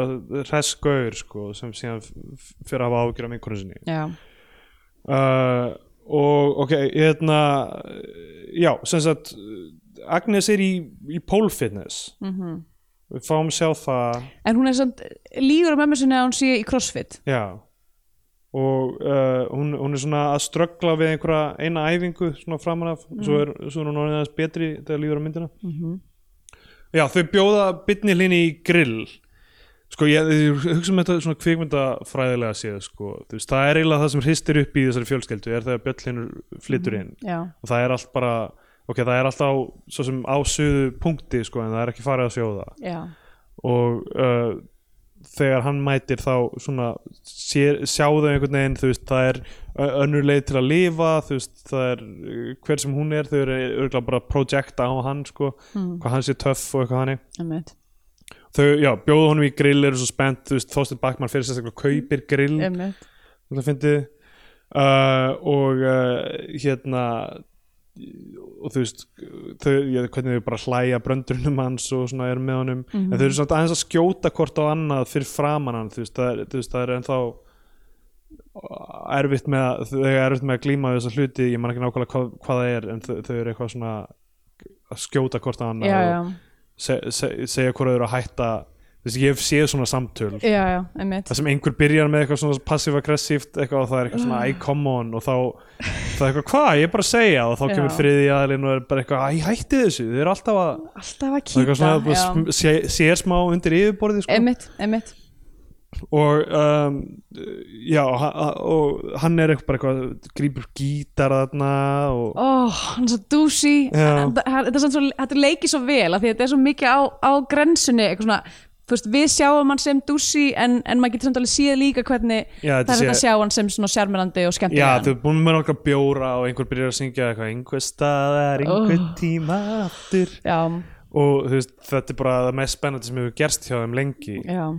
og mér finnst hún er eitthvað eitthvað viðlagi einar nei, hann, hann- hann hrópar eitthvað viðlagi einar hvað ertu eitthvað og Þorstein Bakman kemur inn Já. eitthvað viðlagi eitthvað og þannig að hann spilar á alla fjölskylduna já, eins og sextrengi gítar nefnir um, svo, svo er Þorstein líka eitthvað hlýðunum yfir það er mjög fyndið Já. sko. hlýðunum yfir eitthvað hann er að æfa- æfa einhverja senu og hann kann ekki fucking orð í þessari senu Já. en enga, enga megin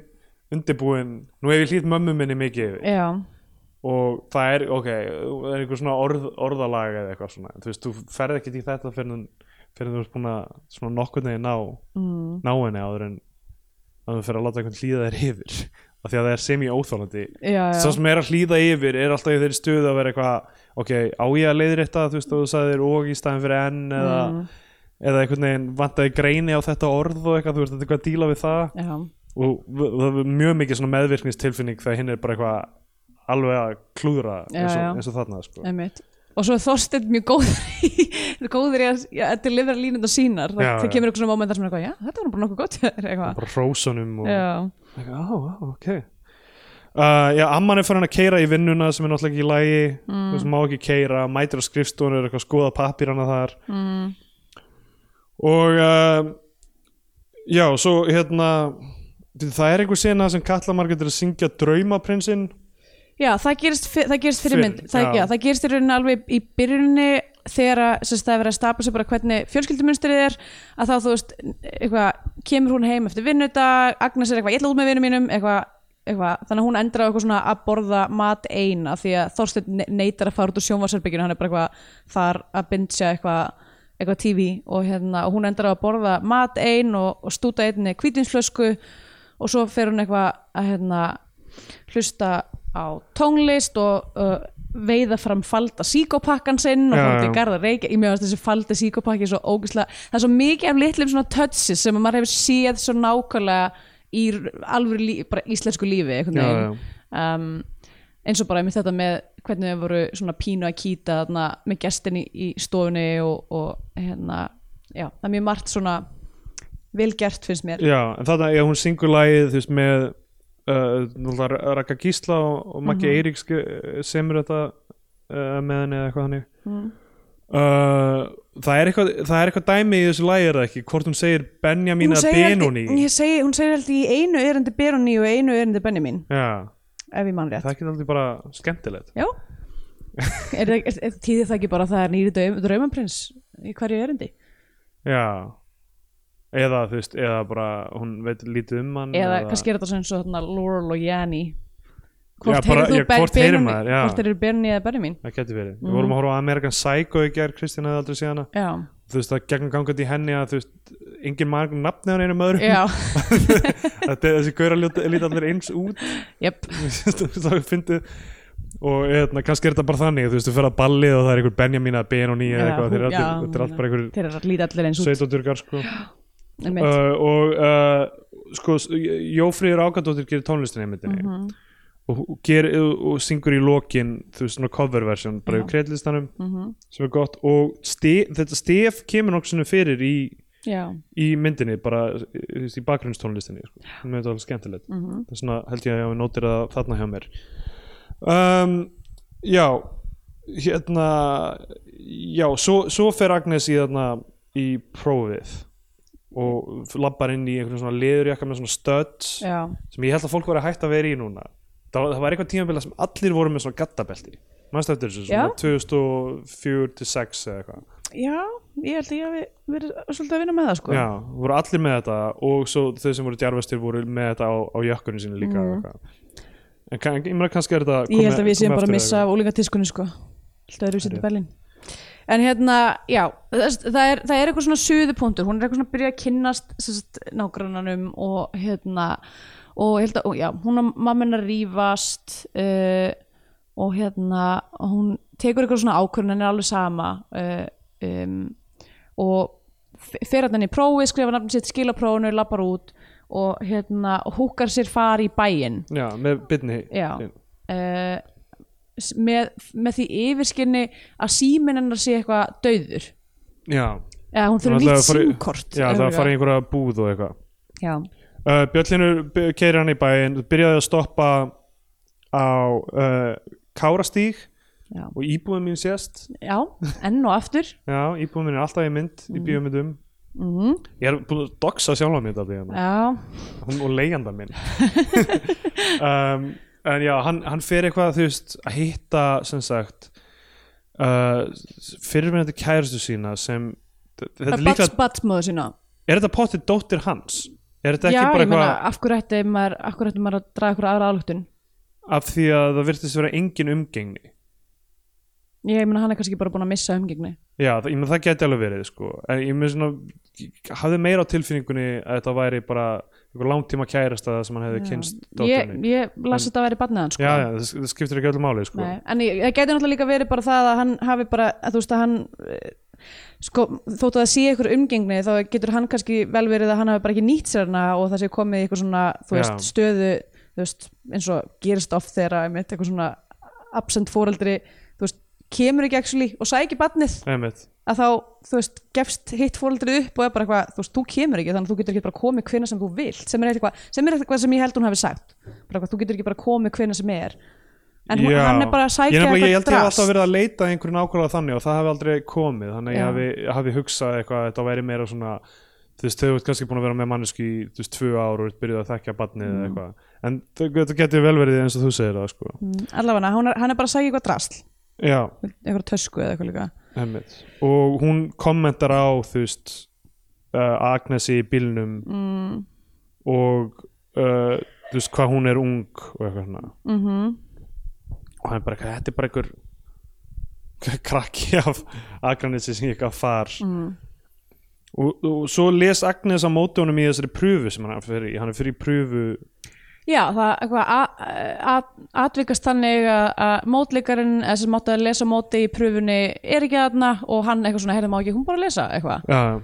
Eh, en basically það sem er að gerast er það að Agnes er viljandi bara eitthvað, hún sem sagt, lígur þessu með simkortið bara til þess að hún, hann langar að hanga með honum já, já, og líka fara þú veist, í í bæinn fagbæinn og Já. emitt og uh, þau, þau eru gett gýruð eftir þetta eftir að hérna, Já. þú veist hvað gekk vel í pröfunni mm -hmm. Mhm. stoppa bar á leiðinni hann, sko, að mér fyndi það, það er þau stoppa barnum og hann er eitthvað bara að fá þetta venjulega og hann er eitthvað, já, þú fær samt ekki að setja í reikning hann er eitthvað, nei, Já. já, já, ég veit já, emitt hann er, sem sagt, hann er eiginlega basically í útlegð á Agranesi já, að því virðist þú veist, hann er búinn að uh, missa fjölskyldina sína og greinilega, þú veist við sjáum í gegnum myndina að hann er búinn að pissa frá sér eiginlega einhvern veginn allt Já. uh, öll sambönd og, og svona kannski var er, er okkur um low point kannski ástæðan fyrir, þú veist, af því hann varð aldrei eitthvað raunverulega reyður yfir að fá ekki að hitta stelpuna að að gera eitthvað með, þú veist þú veist, það er svo oft í þessum svona, eitthvað svona tálmunamálum eða eitthvað, þú veist, þessum papparnir eru, þú veist, náttúrulega reyðir, skil, finnst þetta svo ósangjart gagvart sér að fá ekki að hitta barnið, sama hvað, sko þannig að einhvern veginn það að hann var svona chill með að hún skildi segja honum eitthvað neða, gengur eiginlega ekki mm. var örgulega ástæðan fyrir ég hugsaði þetta, sko já en það, ég með það getur líka verið að hann sé bara það, einhvern veginn uh, viti upp á sig skömmina Já,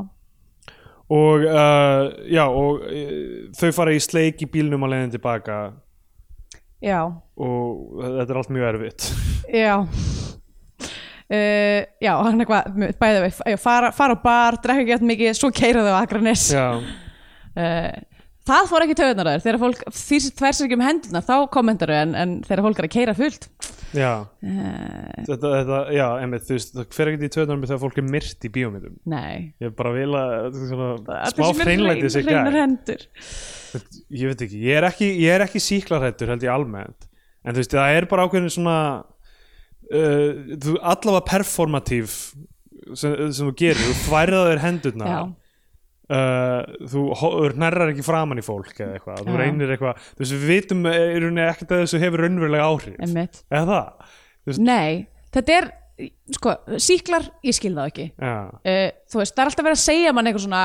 eitthvað, uh, þú ert með fleiri síkla upp í þér heldur en er í klósetskálinni Já, eða já. eitthvað leis uh, ég hef mjög, mjög, mjög oft pælt í, alveg bara svona svo oft að ég er alltaf on the brink að fara að spurja þessar spurningar bara uh, og ég er að fara að gera það núna þannig að þetta er að fara að spurðu gera spurningar núna. Uh, eitt sem ég skil ekki ég byrst afsökunar á því að þetta er pínu gross en ég bara er, ég get ekki hægt að pæla í þessu ef að maður er til dæmis með harlifi og rí, og þú veist, fær sár Já. við að kúka já, af hverju er það sár ekki bara eitthvað infested það er í raskatun á ég þér veit þetta meikar ekki neitt sens já, þetta, þetta er eh, keksrugla sko. Uh, að en það er engin sv- hvar eru vísindin hvar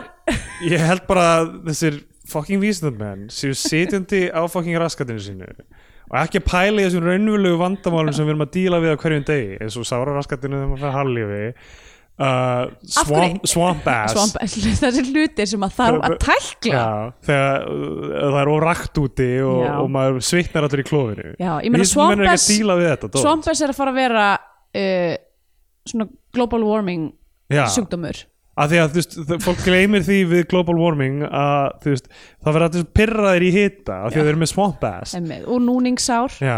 með núningssár út um allt uh, og þú veist þegar vatn, það verður minna vatni og þá er líklega að þú fóður harlífi líklega, Já. eða eru þau öfugt sko annað, ok, fyrst við erum að tala um þetta já, já, við verðum að tala um það að niðurgangur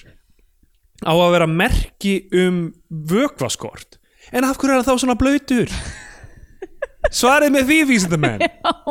ég skil, ok, ég verða bara ég- þú veist það eru sumir hlutir í þessum heimi sem að mér finnst bara galið að sé ekki talað um í bara kennslubókum í, í náttúrufræði í Nákvæmlega. áttundabekk, af því að þetta eru hlutir sem að ég þarf að vita Já Og Já. þú veist, ég meina, ég líka er að ímynda mér, þú veist, ég er að hnerra og ég er eitthvað á að hnerra einhvern veginn svona á handlegin minn eða eitthvað, því að það er gott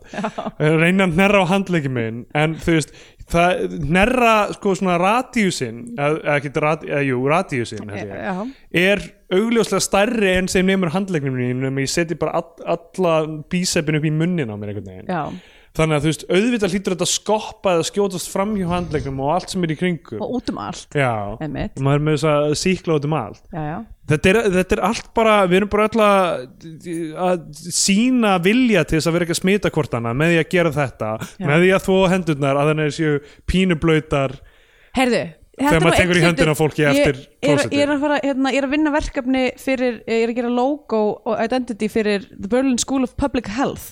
núna, næsti ég fer að fund með þá ætla ég bara að koma með svona bara s- blokk fulla af spurningum Já. hvernig smitast hlutir ef ég, ef, ef, hvernig er besta leiðin til þess að halda fyrir munnin til þess að sm- ég, Já. ég, ég vil vita þessa hluti Ég er ég, með ég er að gera yfirborðs- ráð fyrir að þetta sé það sem þau tækla ef ég er með yfirborðstára raskatinu hvað hva þýðir það? þið eru vísindamennir Á ég að halda í mér það til það er búið að gróa eða hvað á ég að gera? Nákvæmlega Þetta er, fa- þetta er fáránlegt sko Herðu allafana, Agnes Döi uh, Þau eru sérst búin að fara hann í bæinn og hérna uh, uh, hún er búin að hún, á, hún, á, hún, hún er eitthvað svona vildspor Já, þau eru búin að boinga Nei, jú, boingu Nei, þau, boingaðu ekki í bílnum eða? já, þau boinga í bílnum Það er Æ, ég finnst ég gíska á það Já, að, að þið veit svona hvernig þau kveðjast er svona já, já smá við ge- gerðum að þú veist, ég veit ekki, ég, þú veist, kannski dugar að fara í sleik eitthvað, við eitthvað blekaðan gaur og, og vera svona spenntur, það geta alveg verið Já, já. uh, og uh, þau koma heim þú veist, það er eitthvað rifrildi með millir alltaf í fjölskyldinni mm. Mhm. hún byrjar þarna, hvort það er þarna sem hún byrjar að dömpa og bara eitthvað svona, þau ættu, ættu að skilja ég er bara að býða eftir því og Já. eitthvað svona. Katla ríkur út og fer til Björnsliðins til eitthvað já, hún fer bara eitthvað út að labba Hún já, bara, já, uh, hérna og er bara eitthvað á bara náttslopp, eitthvað, fer bara eitthvað að labba með fram sjónum og þar er hérna, hann er eitthvað út að labba með hundin sinn já. um, og eitthvað býður henni inn í uh, sjús Já, eða, hvort, þú veist, hún er svona daldið eiga frumkvæðaði já, já, já, og þú veist, hún, og, og svo þau, hann- hún kissir hann í rauninni Mhm. og hann er eitthvað svona eitthvað nei og svo eitthvað jú, já, þú veist, hann hefur enga sjálfstjórn emitt og þau sofa saman, hún vaknar og er bara eitthvað fokk, hvað er ég búin að gera lappar út, króli sér hana í gegnum gluggan, já, eitthvað, eitthvað nækta inn í honum já hann er, hann er rosalega mikið bara svona hérna uh, reaction shot manneskjana því að hann er með nokkur svona skota sem að hann er eitthvað hann er bara eitthvað fokk, hún er algjör bomba, B.O.B.A Já, er það ekki læðið? jú, ég held það Flott, eh, við erum, við erum, eh, við erum Mjög in touch Já, við þekkjum úlingakúltúrin Já. og um, svo Ói, hún, hvað það var gamaldags sem er að segja þetta Ég, var, að- ég ætla að Ungling- klippa, ég ætla að klippa þetta út Jésús hún fer, fer Ég sko, heim ég ætla, já, mitt, ég, er ekki, ég er ekki búin að, ég ætla að dönga pínu mamma mína uh, Já. í, sem ég veit að hlustar uh, Rólegt Dankacino hérna, nei það var bara hún var að tala svo mikið í gegnum alla myndina og þetta var eitthvað svo fyndi meta situation Í bíóinu? Já,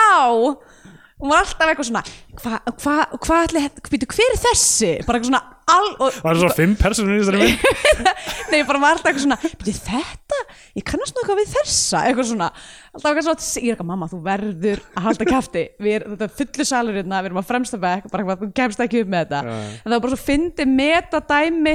að Agnes í myndinni er alltaf eitthvað svona oh, mamma, og ég á með mömmu hliðina og mér eitthvað, mamma Hvað er þetta þessi kr.óli? Já, hún var, hún, ég, nákvæmlega, ég man eftir hún var eitthvað svona, æ, hann er svo æðislegur. Ég borðaði pítsu sem hann hannaði á Íslandi Já, það er hann hönnuður. ég, að, þú veist, ég veit ekki, þetta er eitthvað svona eitthvað promo á ég, að- ég vil ekki vera að auglýsa eitthvað, eitthvað business á Íslandi ég var black box, ég var Mhm. Já. á black box það sem var black out vika allar pítsur á 500 þetta var Ah, Ok. fínt sko Já, já. hann hannaði einhverja pítsu sem eh, með, með Jóa P eða Jói P Já, já, sem er græmitispítsa Kúl. Góð, sko. það er gott. Já, nú er þetta að hósta Ah. Já, hérna ég er að hósta- síklum yfir hósta síklum yfir allt. En guess what, það er út af því að Kristjana sem er henni í herbyggi. Að deyja. Já, þegar hún hefur búin að vera að hósta hérna yfir allt og ég kom með hennar, núna er ég búin að setja það Já. á upptökutækið og mækin og kaffibollan og blómið. það Af því það er held í radíusin sem ég hóstaði yfir Já, uh, og við erum öll að fara að deyja. Það er rétt Já, Já. ætla, við ætlum bæði vegi, ástæðan fyrir að horfum á Amerikan Psycho í gæri af því að við ætlum að horfa á The Irishman sem Dunga Chino er mitt leikur í Já. og hún kemur í dag en Já. ekki í gær, það er bara rugglast að dögum Já. Ok, uh, uh, hérna Kalla Margrét fyrir heim, hún byður Þorstein bara strax afsökunar, hún eiginlega svona bara játar þetta Já, hún segir bara strax. og hérna uh, Agnes fyrir sund uh, með króla uh, hann skammast í henni þ- þar fyrir að hafa beilað á tímanum þú veist og hérna svo uh, faraðu í sjoppu eftir á það var búin að vera sena fyrir var það ekki það sem Bjöllin eru í sundi og Agnes og allir vinir hennar Jú, og þau eru allir gett spenntir fyrir honum já, og hann er eitthvað svona að fokka í þeim og eitthvað já, að vera eitthvað sniður uh, eftir, s- sjó, uh, eftir sund faraðu í sjoppuna bjöllinur ávar þar inn eitthvað svona skítunur og eitthvað hakaður og Agnes er eitthvað svona að reyna að fá hann til að tala við tala sig. við sig sem hann vill ekki Mm og hann rýkur burt og uh, svo er Katla er heima og við sjáum eða svona bara hennar sjónarhótt það sem þú veist, Björn kemur að þess að Þorsteinn kemur heim og fer og talar við Björn eitthvað út í Mhm. porti og þú veist greinilega er eitthvað að ræða þetta mál lík, eða þú veist við vitum það ekki, kannski ekki kannski er Þorsteinn ekkert að kon- konfronta það. Jú, hann er, hann er það eftir. það virðist verið smá æsingur sko. Já, já, já. en já, ég meina líklega þú veist, Jú, af því þess að það sem gerist næst er að hann basically flytur út úr húsinu. já, Hann beilar á eh, Akranesi. emitt Þess þannig að, já, Þorsteinn sem sagt konfrontar hann já, og, já, það lítur að vera, já, emitt og hérna, ég var bara að beðast afsökunar, ég sá þessa mynd fyrir mánuði síðan, ég er ennþá svona Já, já. pínu eitthvað. ég er ég er Það mjög er ekki- ringlaður með nokkra hluti af því að þú veist, ég er ekkert að skrifa hjá mér nákvæm, þú veist, ég, ég skrifa um, eh, þú veist, hluti sem ég skildi þar skilur sem er eitthvað, Mm, Einmitt. þessi fyrir og hittir þennan og eitthvað, ég er ekkert Einmitt. eitthvað að nótera það hjá mér Nei, uh, ok, og hérna uh, já, uh, já Björnlinur flytur þaðan til Reykjavíkur sem sagt, í rauninni þarna og er bara þar sko já, og, en svo, þú veist, eftir að Þorstein er búin að rífast við hann, þá sér, hann Agnesi, eh, sér hún Agnesi tala við hann já, og sér greinlega að það er eitthvað í gangi þar og hann keri bara í burt frá henni hann er algjörlega pældi að flytja til, A- til Akranes til þess að eitthvað, þú veist, að þú ert búin að brenna alltaf brýra baki já, er og ná einhvern veginn að gera það. bara að rústa einni fjölskyldu á næsta Já. mér fannst svona nánast eins og hann ætti að fara í sleik við Þorstein sko. Já, bara til þess að complete the circle Já. og ömmuna já, já, Heri, Það sem er náttúrulega gerast með allt þetta þetta, þetta fjölskyldudrama sem er, sem sagt, uh, er í, í hámæli Mm. á þessum tímpúndi það sem er að gerast er að já, svo veist, uh, virðist sem að Katla sér basically bara eitthvað, ok fyrst fyrir Þorsteinn og rýfst við hann svo kemur Agnes og rýfst við hann og hún púslar saman hver í gangi já, já. Eh, og svo stingur eh, fer, síðan fer Agnes í pólfitness, í Pole Fitness. eftir þetta og, og hérna, og Katla er eitthvað svona keirindi bæinn, spyrja bara eitthvað, hafið þið sé Agnesi og Já. endra á królir eitthvað, já hún er, hún er í crossfit eitthvað, já. og hún ætla þess að koma og Er, þá, reyna er hann þá svona selling her out í rauninni af því að kannski veit hann að hún vill ekki segja mömmu sinni að hún sé í pólfitness Um. já, það, já, all- kannski er það hans moment sem er, hann Já. er eitthvað svona, þú veist, eitthvað búin að, er Gæti eitthvað pi- verið. pirraður út í hana fyrir að vera að beila á sér og, og hérna, já, bara kemur hann í meiri vandræði mögulega, en mögulega en það sem er svo fallegt, ok, það var sem hérna, við spólum aðeins yfir er það sem gerist um, þe- þegar að hún er sérst hittir þarna uh, um, fer, fer inn með hvað er hann Björn? Nei, Já, Björn Hlynur. já, já já, hérna er, hún er í alvörinni þú veist, hún er að, tæ, hún er að eiga svo erfitt með að það að eiga úlingsbann Já. eða úlingstúlku og er eitthvað svona, þú veist er, er með mjög fallega ræðu um bara svona, þú veist um, er svona ein, einræðu um, um hvernig er að vera móðir og eitthvað svona er eitthvað svona að tala um bara eitthvað að, þú veist, þegar hún hafi fyrst þegar þið voru fyrst með hana litla hún var alltaf eitthvað hrættum að missa hana já, já. og hérna og svo þú veist er það að gerast núna hún er eitthvað svona að reyna þú veist hún er eitthvað allt sem ég geri þú veist sk- s- snýst við í Já. höndunum á mér þú veist, ég Björninn að er búin að reyna- segja við hann á einhvern tímpúkni að þetta sé meðvirkni sko. já, hann er meðvitað um það því að, Að því þess, að- hann er búin að vera hinum einn á því já, uh, þeim teningi í Já. rauninni. það sem uh, fólk eru örugglega að segja bara að það er allir meðvirkið með honum já, myndi maður halda þangu til ekki núna já, já, emmitt en hérna uh, á þessum tímbundi þá mitt hallar mamma sér að mér og er eitthvað svona, svona var þetta svona er að eiga börn ég var, ok en mér var þetta rosalega flott eh, svona, að því að þú veist, já, þá sjáum við að kristallast það sem er í gangi hjá henni hún er eitthvað hrættum að missa tengsli með barni sitt og, og, hérna, og er á sama tíma að hunsa móður sinna 100% já, já. uh, sérst, mamma hennar er búin að vera að ringja hana því að þú veist hana vantar þjónustu og hún neytar að fara inn á heimili Einmitt. og hérna og í öllu þessu fjölskyldudrama sem er að gerast að þá gleymur hún bara mömmu sinni já. og hérna og sem sagt, hún fer þarna í uh, crossfit, Pól- já, crossfit pól- stöðuna já, já. sem er greinlega bæði crossfit og pólfitness þar líka uh, Garðar Gunnlaugsson er hann fótballtmaður bróðir hérna, Arnars og Bjarka já, er, er það ekki frákvæðan þessi? uh, jú, örgulega hérna, mér finnst bara svo fyndið að þú veist eitthvað maður sér eitthvað svona já, eitthvað random andlit já, einmitt, allavega hún, ætlar sem sagt- hún er að leita að henni til þess að reyna að byggja ykkur brú já, hún er bara svona, ok, núna verði ég að ná til dóttur minnar uh, áður en það er sent og, ætl- og ætlar að fara þarna inn í þetta crossfit gym með það uh, í huga, já. í huga að reyna að, þú veist, byggja eitthvað traust og, og hérna, og svo ó, þetta er svo klassíst, ég ætla að ég svona upplið upplið svo mikið eitthvað svona ég, ég, mér- mér leiðin sem ég þek, þekkti þetta persónulega bara eitthvað svona í staðin fyrir það að gera það sem hann ætla að gera, þá sér hún ánir í pólfitness, já, gjörsamlega trompast Einmitt. í einhverjum ógislega hérna um, svona antiquated hugmyndum um, þú veist, bara eitthvað þú veist, pole fitness er bara sport eins og allt annað uh,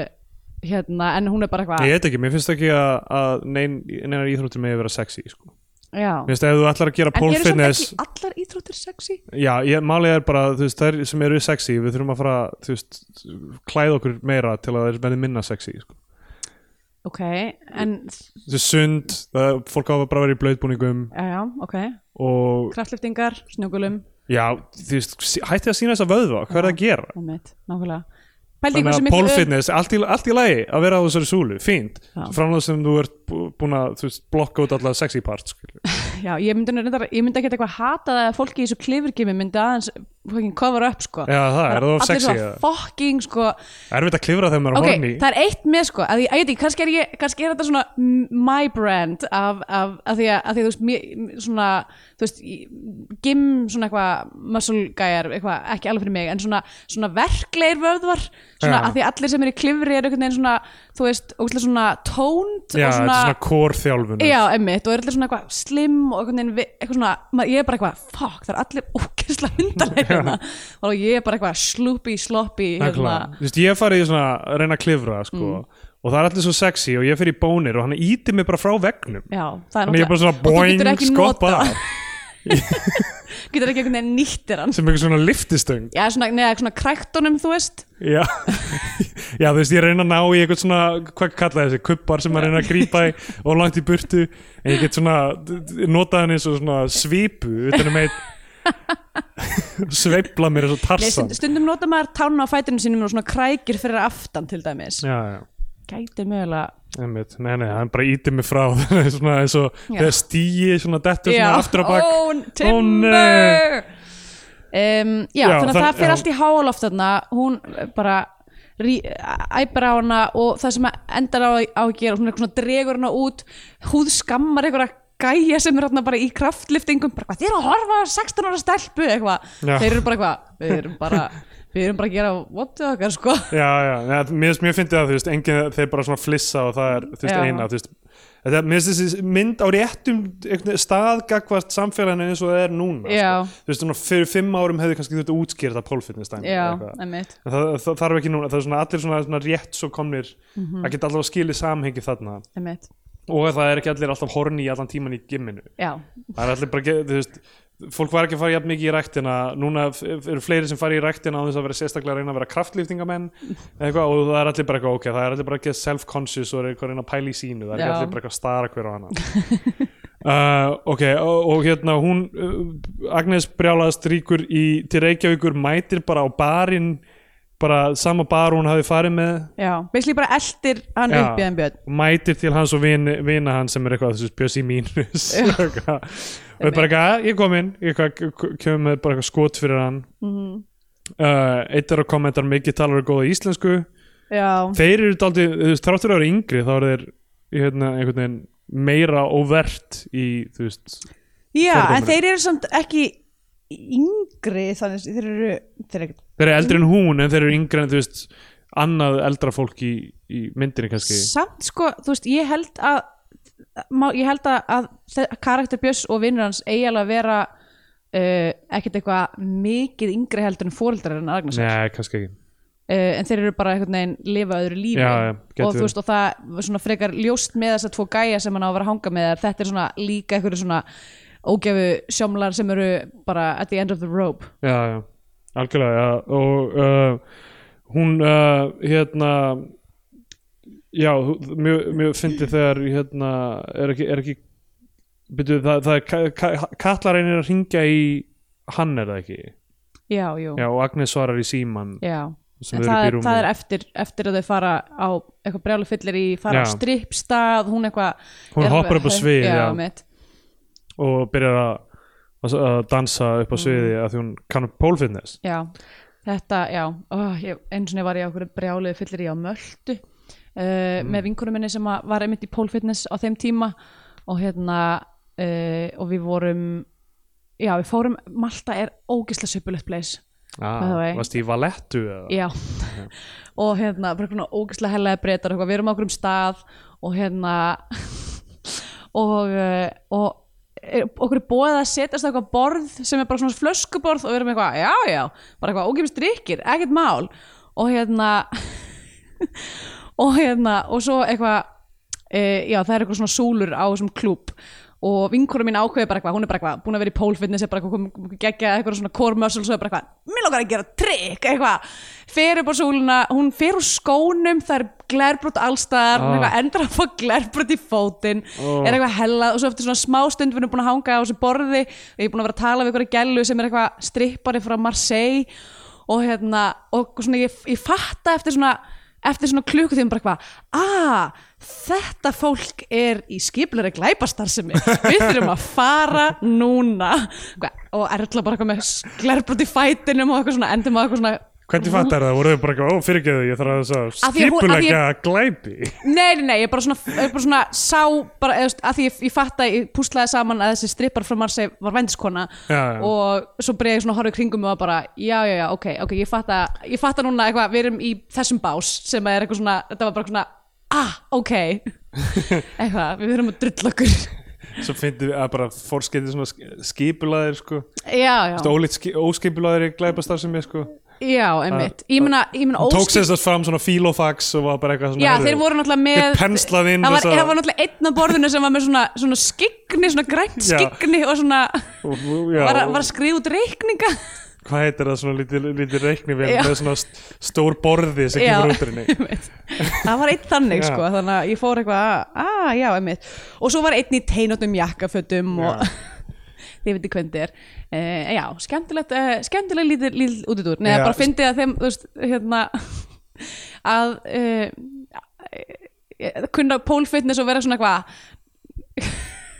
fara og nýta það in, Já. in real life Sko mér finnst ek, eiginlega ekkit sexy við þú veist, alltaf þess að nótkunna á þessari stöng Nei, þú einmitt. veist, af því að það er meira svona ok, þetta er impressive mjög sko Já, en ekki, þú veist, ég, mér finnst þetta ekki eitthvað svona f- fallegasta form hvernmanns líkamanns eitthvað að vera eitthvað svona kvolfið að snúast í einhverja ringi eða eitthvað Einmitt. þú veist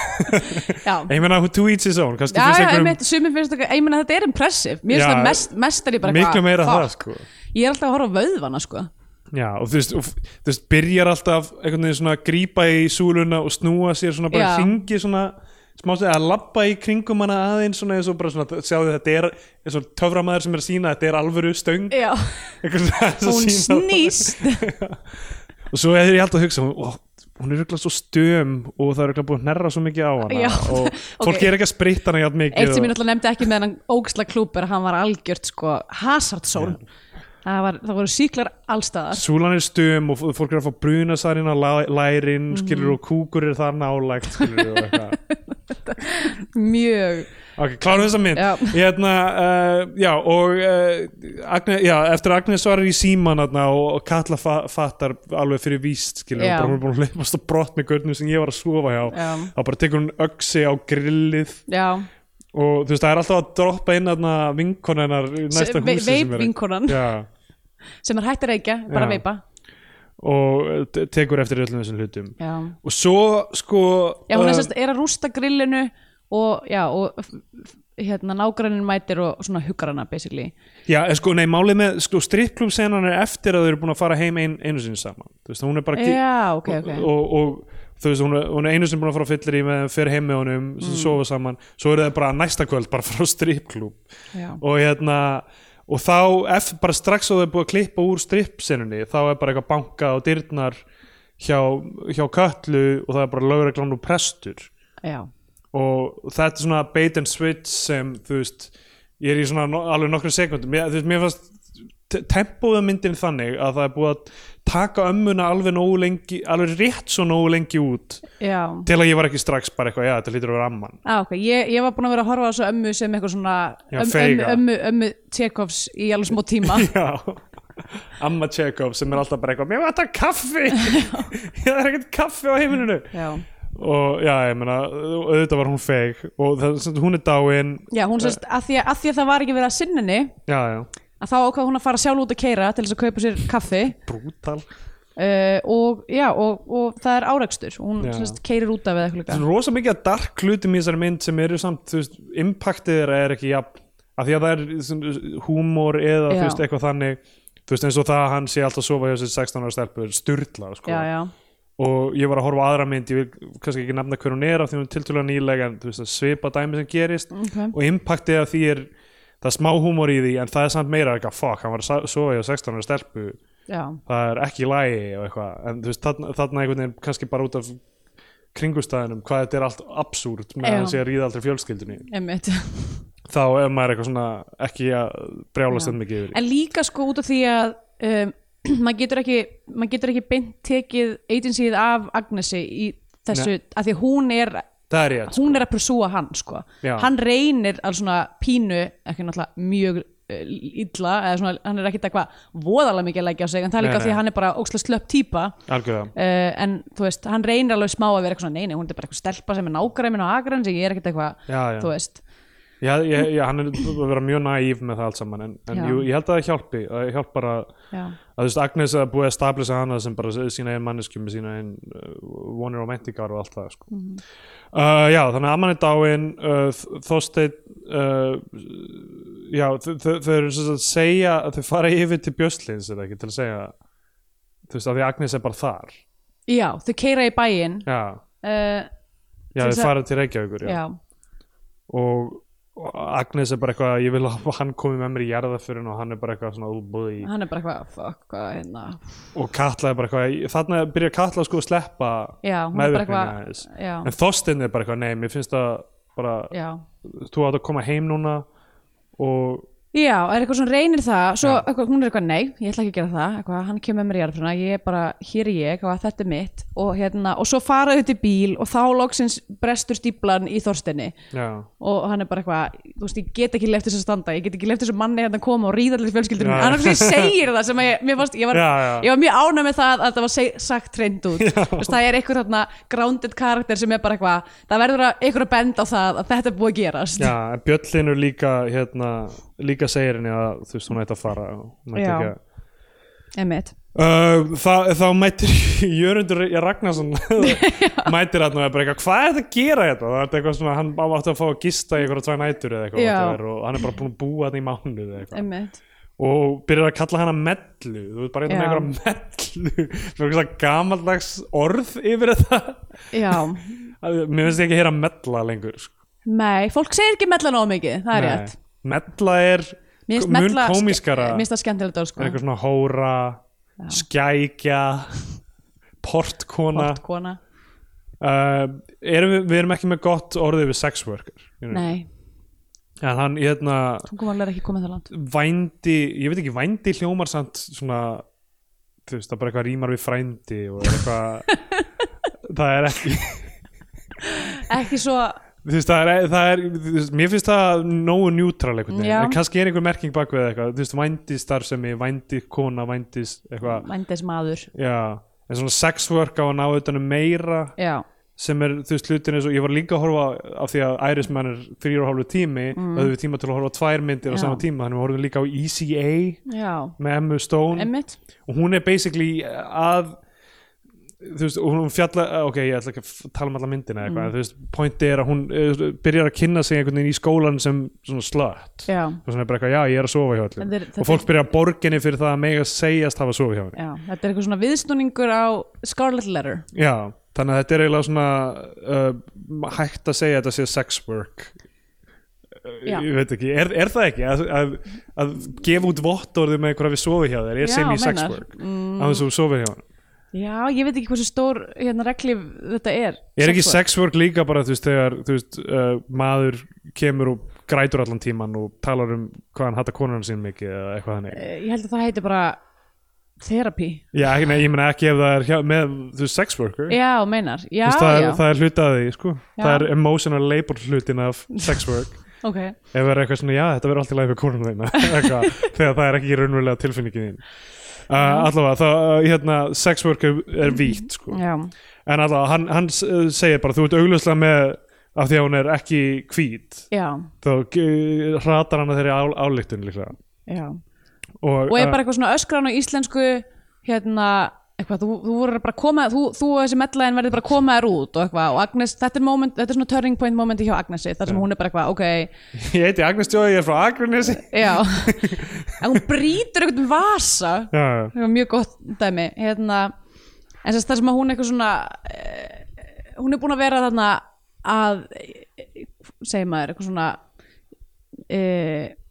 að rasa út aðeins já, og líka einhvern veginn aðeins að refsa móðu sinni emmitt um, Mér finnst það að því að mamma hennar var búin að vera að spurja hann eitthvað í byrjun myndar eitthvað svona hvað átt ekki kærasta hvernig er með þetta króla og eitthvað, Já. svona, þú veist, eitthvað þannig að um, og svo f- fer þetta svona einmitt. uh, Katla hún sem treytir þarna, stendur upp fyrir sjálf og sér hreyt- hreytir í sem Já. bara, ég heiti Agnes Djói, ég er frá Akranesi bara eitthvað, brýtur ykkur styttu, labbar út hérna uh, þetta er eiginlega eina svona alveg overt momentið þar sem að rasismi á Íslandi er tæklaður allt Já. hitt er einhvern veginn svo svolítið svona byggt inn í bara söguna Já, samt, sko, þú veist, ég meina það eh, er, væri alveg hægt að færa rauk fyrir því eh, þú veist, ég meina, ok, það, er mjög, það væri mjög erfitt samt, sko, að líklega kallar hann að mellu af því að, af því að hún er ekki hvít, sko Já. En ég hefna, en þú veist, kannski er þetta bara svona, svona sem þessi gaur talar, kannski er hann gett Nei, þú veist, eh, puritanikal, sko. það er, nei, Nei, ég veit, ég held ekki, en ég, þú getur ekki lesið nei, það ég, þannig. ég, nei, ég, ég held að það sé ekki hægt að gera að þú veist, það sé mjög erfitt, sko en þú veist, líka þegar hann er eitthvað, ó, þú tala, þú tala flóta Mm. Já. íslensku Já, eitthvað, já, einmitt. finnst mér jafn Já, en þú veist, en sérst, í allri myndinni það sem ég meina er, þú veist, öll myndin e, þú veist, f- myndin fjallar ekki um að Agnes Nei. sé uh, ættleit uh, en, en það er ókslega mikið af momentum sem eru svona microaggressions uh, já, já, Eh, en þetta er svona eina moment þar sem að hún svar eða þú veist, er, þú veist, að því hún er passív eiginlega, þú veist, hún, að því hún lítur ekki á sig eins og þetta dæmi með það hún nennir ekki að fara til Filipsega, Já. er hún er bara eitthvað, þú veist, ég er íslendingur, þú veist, þetta hefur hefur ekkert Nákvæmlega. með mig að gera, þú veist og hún lítur alveg fram hjá því að sem að fólk er alltaf svona í að eins og bara svona, ok, eins og þegar, þegar hún er eitthvað ég ætla bara að fara að þrýfa og królar eitthvað, ok then uh, já, já. segir ekki neitt skiluru, að því hún eh, viðgengst ekki þú veist, þe- þe- þessa, þessa narratífu Einmitt, en, hún, nákvæmlega. en, hún, en hún svarar henn aldrei fyrir hann á þessum tímpúndur, eini tímpúndur þar sem hún er bara eitthvað, hei, fokkaði þér ég er Íslendingur já, já. Einmitt, og það, þú veist, það er verið að herma upp á hana einhverja menningu sem hún hefur bara aldrei kynst af því hún er Já. að kynast sem farið þangað sko. einmitt, og þess vegna þekkir ekkert endilega annað fólk frá fjölpsæðum einmitt uh, og hérna d- Katla er, að- er, hún hættir í vinnunni Mm. hún uh, velur það er óksla fyndin kona í vinnunni sem er með eitthvað gleru sem eru svona, svona daldið svona stækkandi sko, Já, já. augunum er stærri fyrir vikið hún er eitthvað svona Hmm. mm. uh, daldið, það er í hérna, þætti sem heita AP Bio, það er eitt karakter sem er í því líka, svona, bara með svona gleru sem bara augun verast miklu stærri, Já. myndi mig á þann karakter og hún, hún gerir hana að forstjóra já, og hún uh, ákveður bara herru, það mun aldrei vera starfsmannalegur og eitthvað þannig Mhm. uh, og uh, þar er Hjörtur úr Þorsta hann er í þeirri sinni, já, það er rétt úr leikofnum Max sem er í Einmitt. aðalutverki í Þorsta En er- eða samt eiginlega ekki aðalutverki en þú veist ég er mjög, mjög þú ert ákveðna mynd stiklar ég fyrir er mjög mikla hver- stikli- stiklar fyrir nákvæmlega hverju er protagonistinn í hverju mynd ok, sama hver fær mikið screen time eða er í, er í svona á plakatinu eða eitthvað þannig uh, en hérna uh, já og uh, Agnes og mammenar svona sættast já og já, í rauninni bara þessi, þessi já, það er svona mjög þægilegur og einhvern veginn svona Já. settlegur fínn endir, bara eitthvað svona þetta var katalistin sem þurfti fyrir þessi fjölskyldu til þess að, og svo endur, endur við í rauninni á því eitthvað svona, þú veist stormurinn er yfir uh, Já. er, er búinn og við, þess, það sem að var staplað, ég held Já, að bara já. einu fyrsta atriðinu var eitthvað svona, hvernig ætlar að laga dýrabjölluna Emið, Og- Þorstein gerir það já, við sjáum að þessi svona montage í já, rauninni já, mitt Þorstein lagar dýrabjölluna þú veist hann er að vera þú veist hann er að taka eitthvað hann er að taka- taka eitthvað sig í gegn Mhm. uh, svo er eitthvað svona bara Agnes og Król eru að bara brosa saman og vera Mhm. vinir eitthvað aftur og svo Katla í lokin er heima hjá öm- ömmu sinni fer uh, s- sest í stólinn sem amma hennar satt alltaf í þar sem Já. Mhm. hann horfir svona út á hafið slekkur útvarpi sögu já, og svona bara situr þar og horfir þannig að þú veist, Einmitt. núna er hún komin í rauninni það hlutverk já Svona- en samt líka einhvern veginn að reyna að brjóta já, já, gen líka búin- generational já, hún er búin að brjóta eitthvað sem er þú veist Já. eins og hvað, þú veist, rasisminni eða eitthvað hannig og en er líka þú veist bara ok, núna er Núna komið er að ég- henni já. að vera ekki lengur mamma bars, heldur mamma fullorina konu já. og vera ekki í eh, sem sagt, hún er ekki lengur í aðhlutverkinu eða þú veist Nei, eh, og draumaprinsin cover spilast og, Já. og kreddlistin já Eh, ef að skella okkur í Scandinavian Pain Herðu, Sure. þetta er náttúrulega mjög mikið af, eh, mjög mikið af svona eh, algjörum tropes, bara hérna íslensku smábær það er brotin fjölskylda, rasismi döðsfall, þunglindi uh, alkoholismi hérna uh, bara, þú veist, gamla góða Já, já, um, og, eitt, og með Akranes á sam, að sama leitinu og hérna, við höfum talað um áður með Suðunis er með það sama, sama dæmi þar sem það er maður sér borgarljósin já, einmitt maður er fastur í litla smáþorpun en sér borgarljósin uh, bara hinum megin við vatnið einhvern veginn Þetta er og þau eru svo- ógeðslega oft, þau eru ógeðslega oft að horfa því Agnes vill svo mikið komast þaðan já, já. Hún er ógeðslega þetta er oft svo bara svona að fyndið horfa. sko þú veist náttúrulega við núna búum í Stórborg við erum í Berlín og það er þú veist, miljónaborg Já. og það að fara f- til Reykjavíkur fyrir mig er svona eins og að fara til Akranes fyrir Reykjavík Já. þetta er allt bara spurning um eitthvað perspektíf einmitt. maður fer til Reykjavíkur og eitthvað jújú jú, allir staðirnir heita nýjum nöfnum núna og eru með mismandi einhverja hérna, Allir staðar í Íslandi heita eitthvað svona kjötbakaríið Ég var að lappi miðbæn þetta var alltaf eitthvað svona eitthvað m- meat Já. og eitthvað kjöt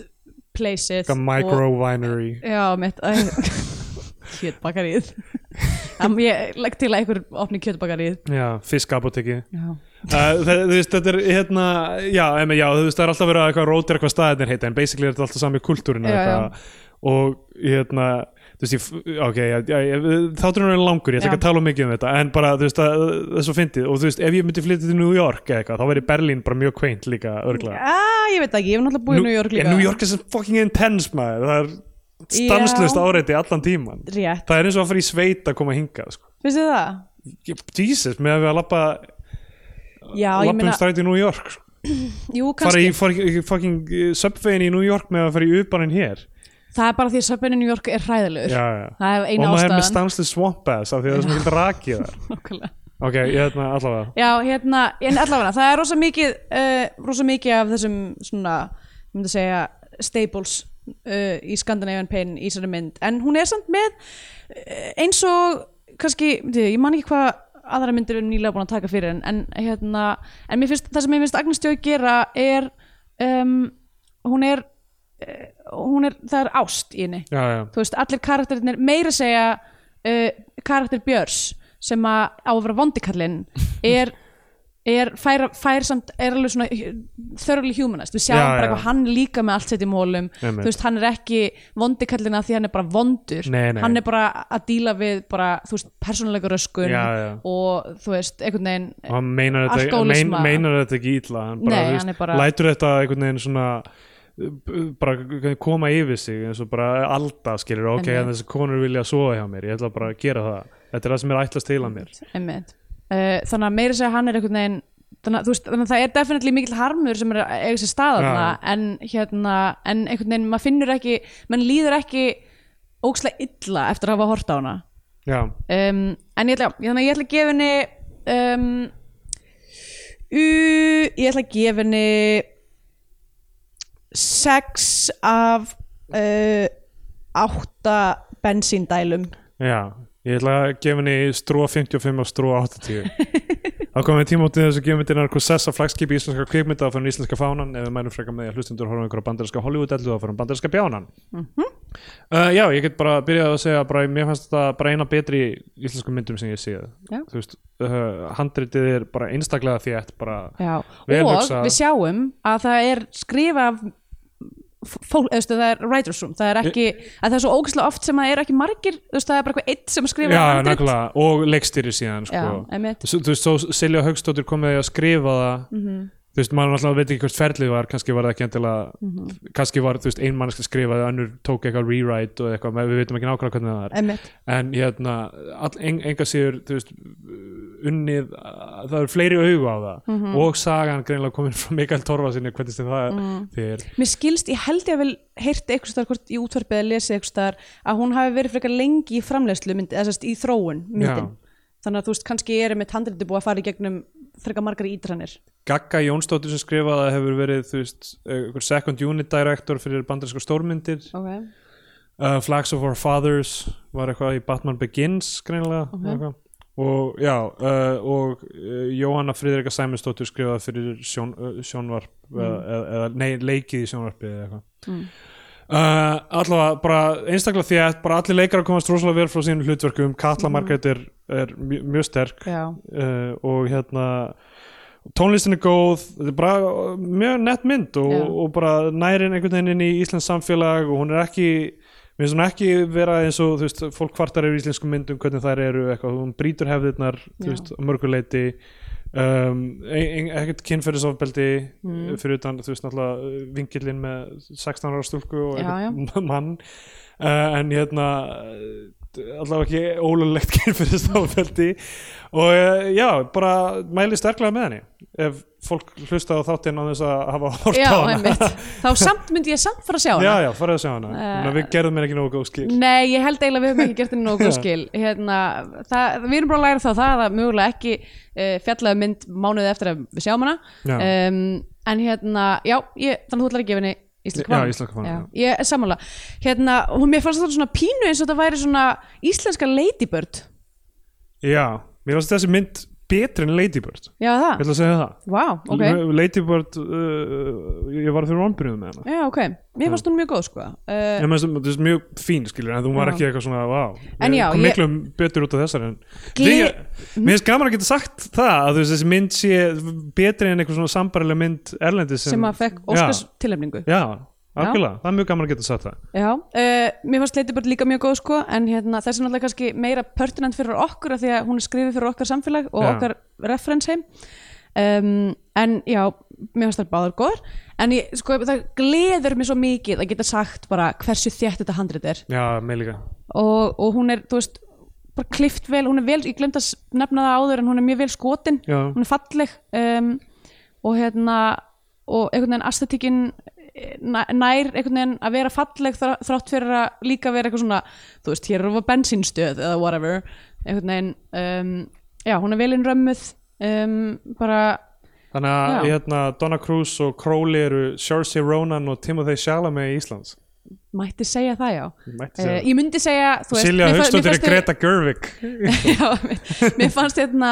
mér fannst þau standa sér vel uh, ég myndi segja samt bara eitthvað þú veist, mér stætti bara bæði að fara mögulega í leikaranám uh, að þið mig alveg definitíli læra meira en hérna, en fyrir fyrstu mynd myndi ég segja að væri bara bæði mjög koma, koma, komast vel frá sínum pluturkum sko. Já, uh, þannig að já, bara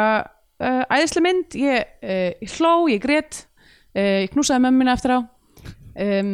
hvað sagði mamma þinn í lokin? mamma var mjög ánæg með hana, bæði mamma og pabbi þeim fannst hún- fannst hún mjög góð Mm, já. uh, mamma er nefnilega svo- eins og, hérna, ég hef kannski oft sagt áður bara þólar ekki íslenska myndir af því að hún, henni finnst svo ömurlegt að þurfa alltaf að horfa, á eitthvað, horfa upp á eitthvað kynferðsóbildi uh, þannig að hún var henni Já. fannst, þú veist, tónnin í þessari mynd er fallegur Algjörlega sem er gott þannig að, já, ég mæli með því og bara, ég mæli með því, bara farið með fóröldum ykkur á þessari mynd Já. eða börnum ykkar, ef Já. þið, ég veit farið, ekki hver farið með uh, fóreldurinn þínum og nýju manni sem var komin í lífi ykkar sem þau fyrst allir mjög heillandi farið með honum líka Fa- Já, takið hann með, nýja nágrunnin uh, Já, íslenski fánum frá mér Já, uh, við erum á samfélagsmiðlum, við erum á Facebook, alltaf eitthvað aukefni þar og Twitter, að Stendur Jónsson og að söpgalsi uh, skrifa endilega um okkur umsögn einhvers þar, einhverjum uh, Apple Podcasts og eitthvað Já, við þannig náttúrulega, heyrðu, fokk, við sögðum fyrir ykkur nokkur um þáttum síðan að við myndum lesa upp umsóknir sem að kæmu inn Já. Ég var eitthvað að reyna að tjekka á því en ég er, a, a, hérna, iTunes akkántum minn er í Þýskalandi þannig að ég get ekki séð neitt Já, einmitt, ok Þannig Kannski að kannski ég geti lesið upp eina Já, Uh, þú veist, það er ekkert eitthvað þú veist, það er ekki þannig einhvern veginn að að ok, það við sé slu, eitthvað- getum bara gert þetta í næsta þætti þá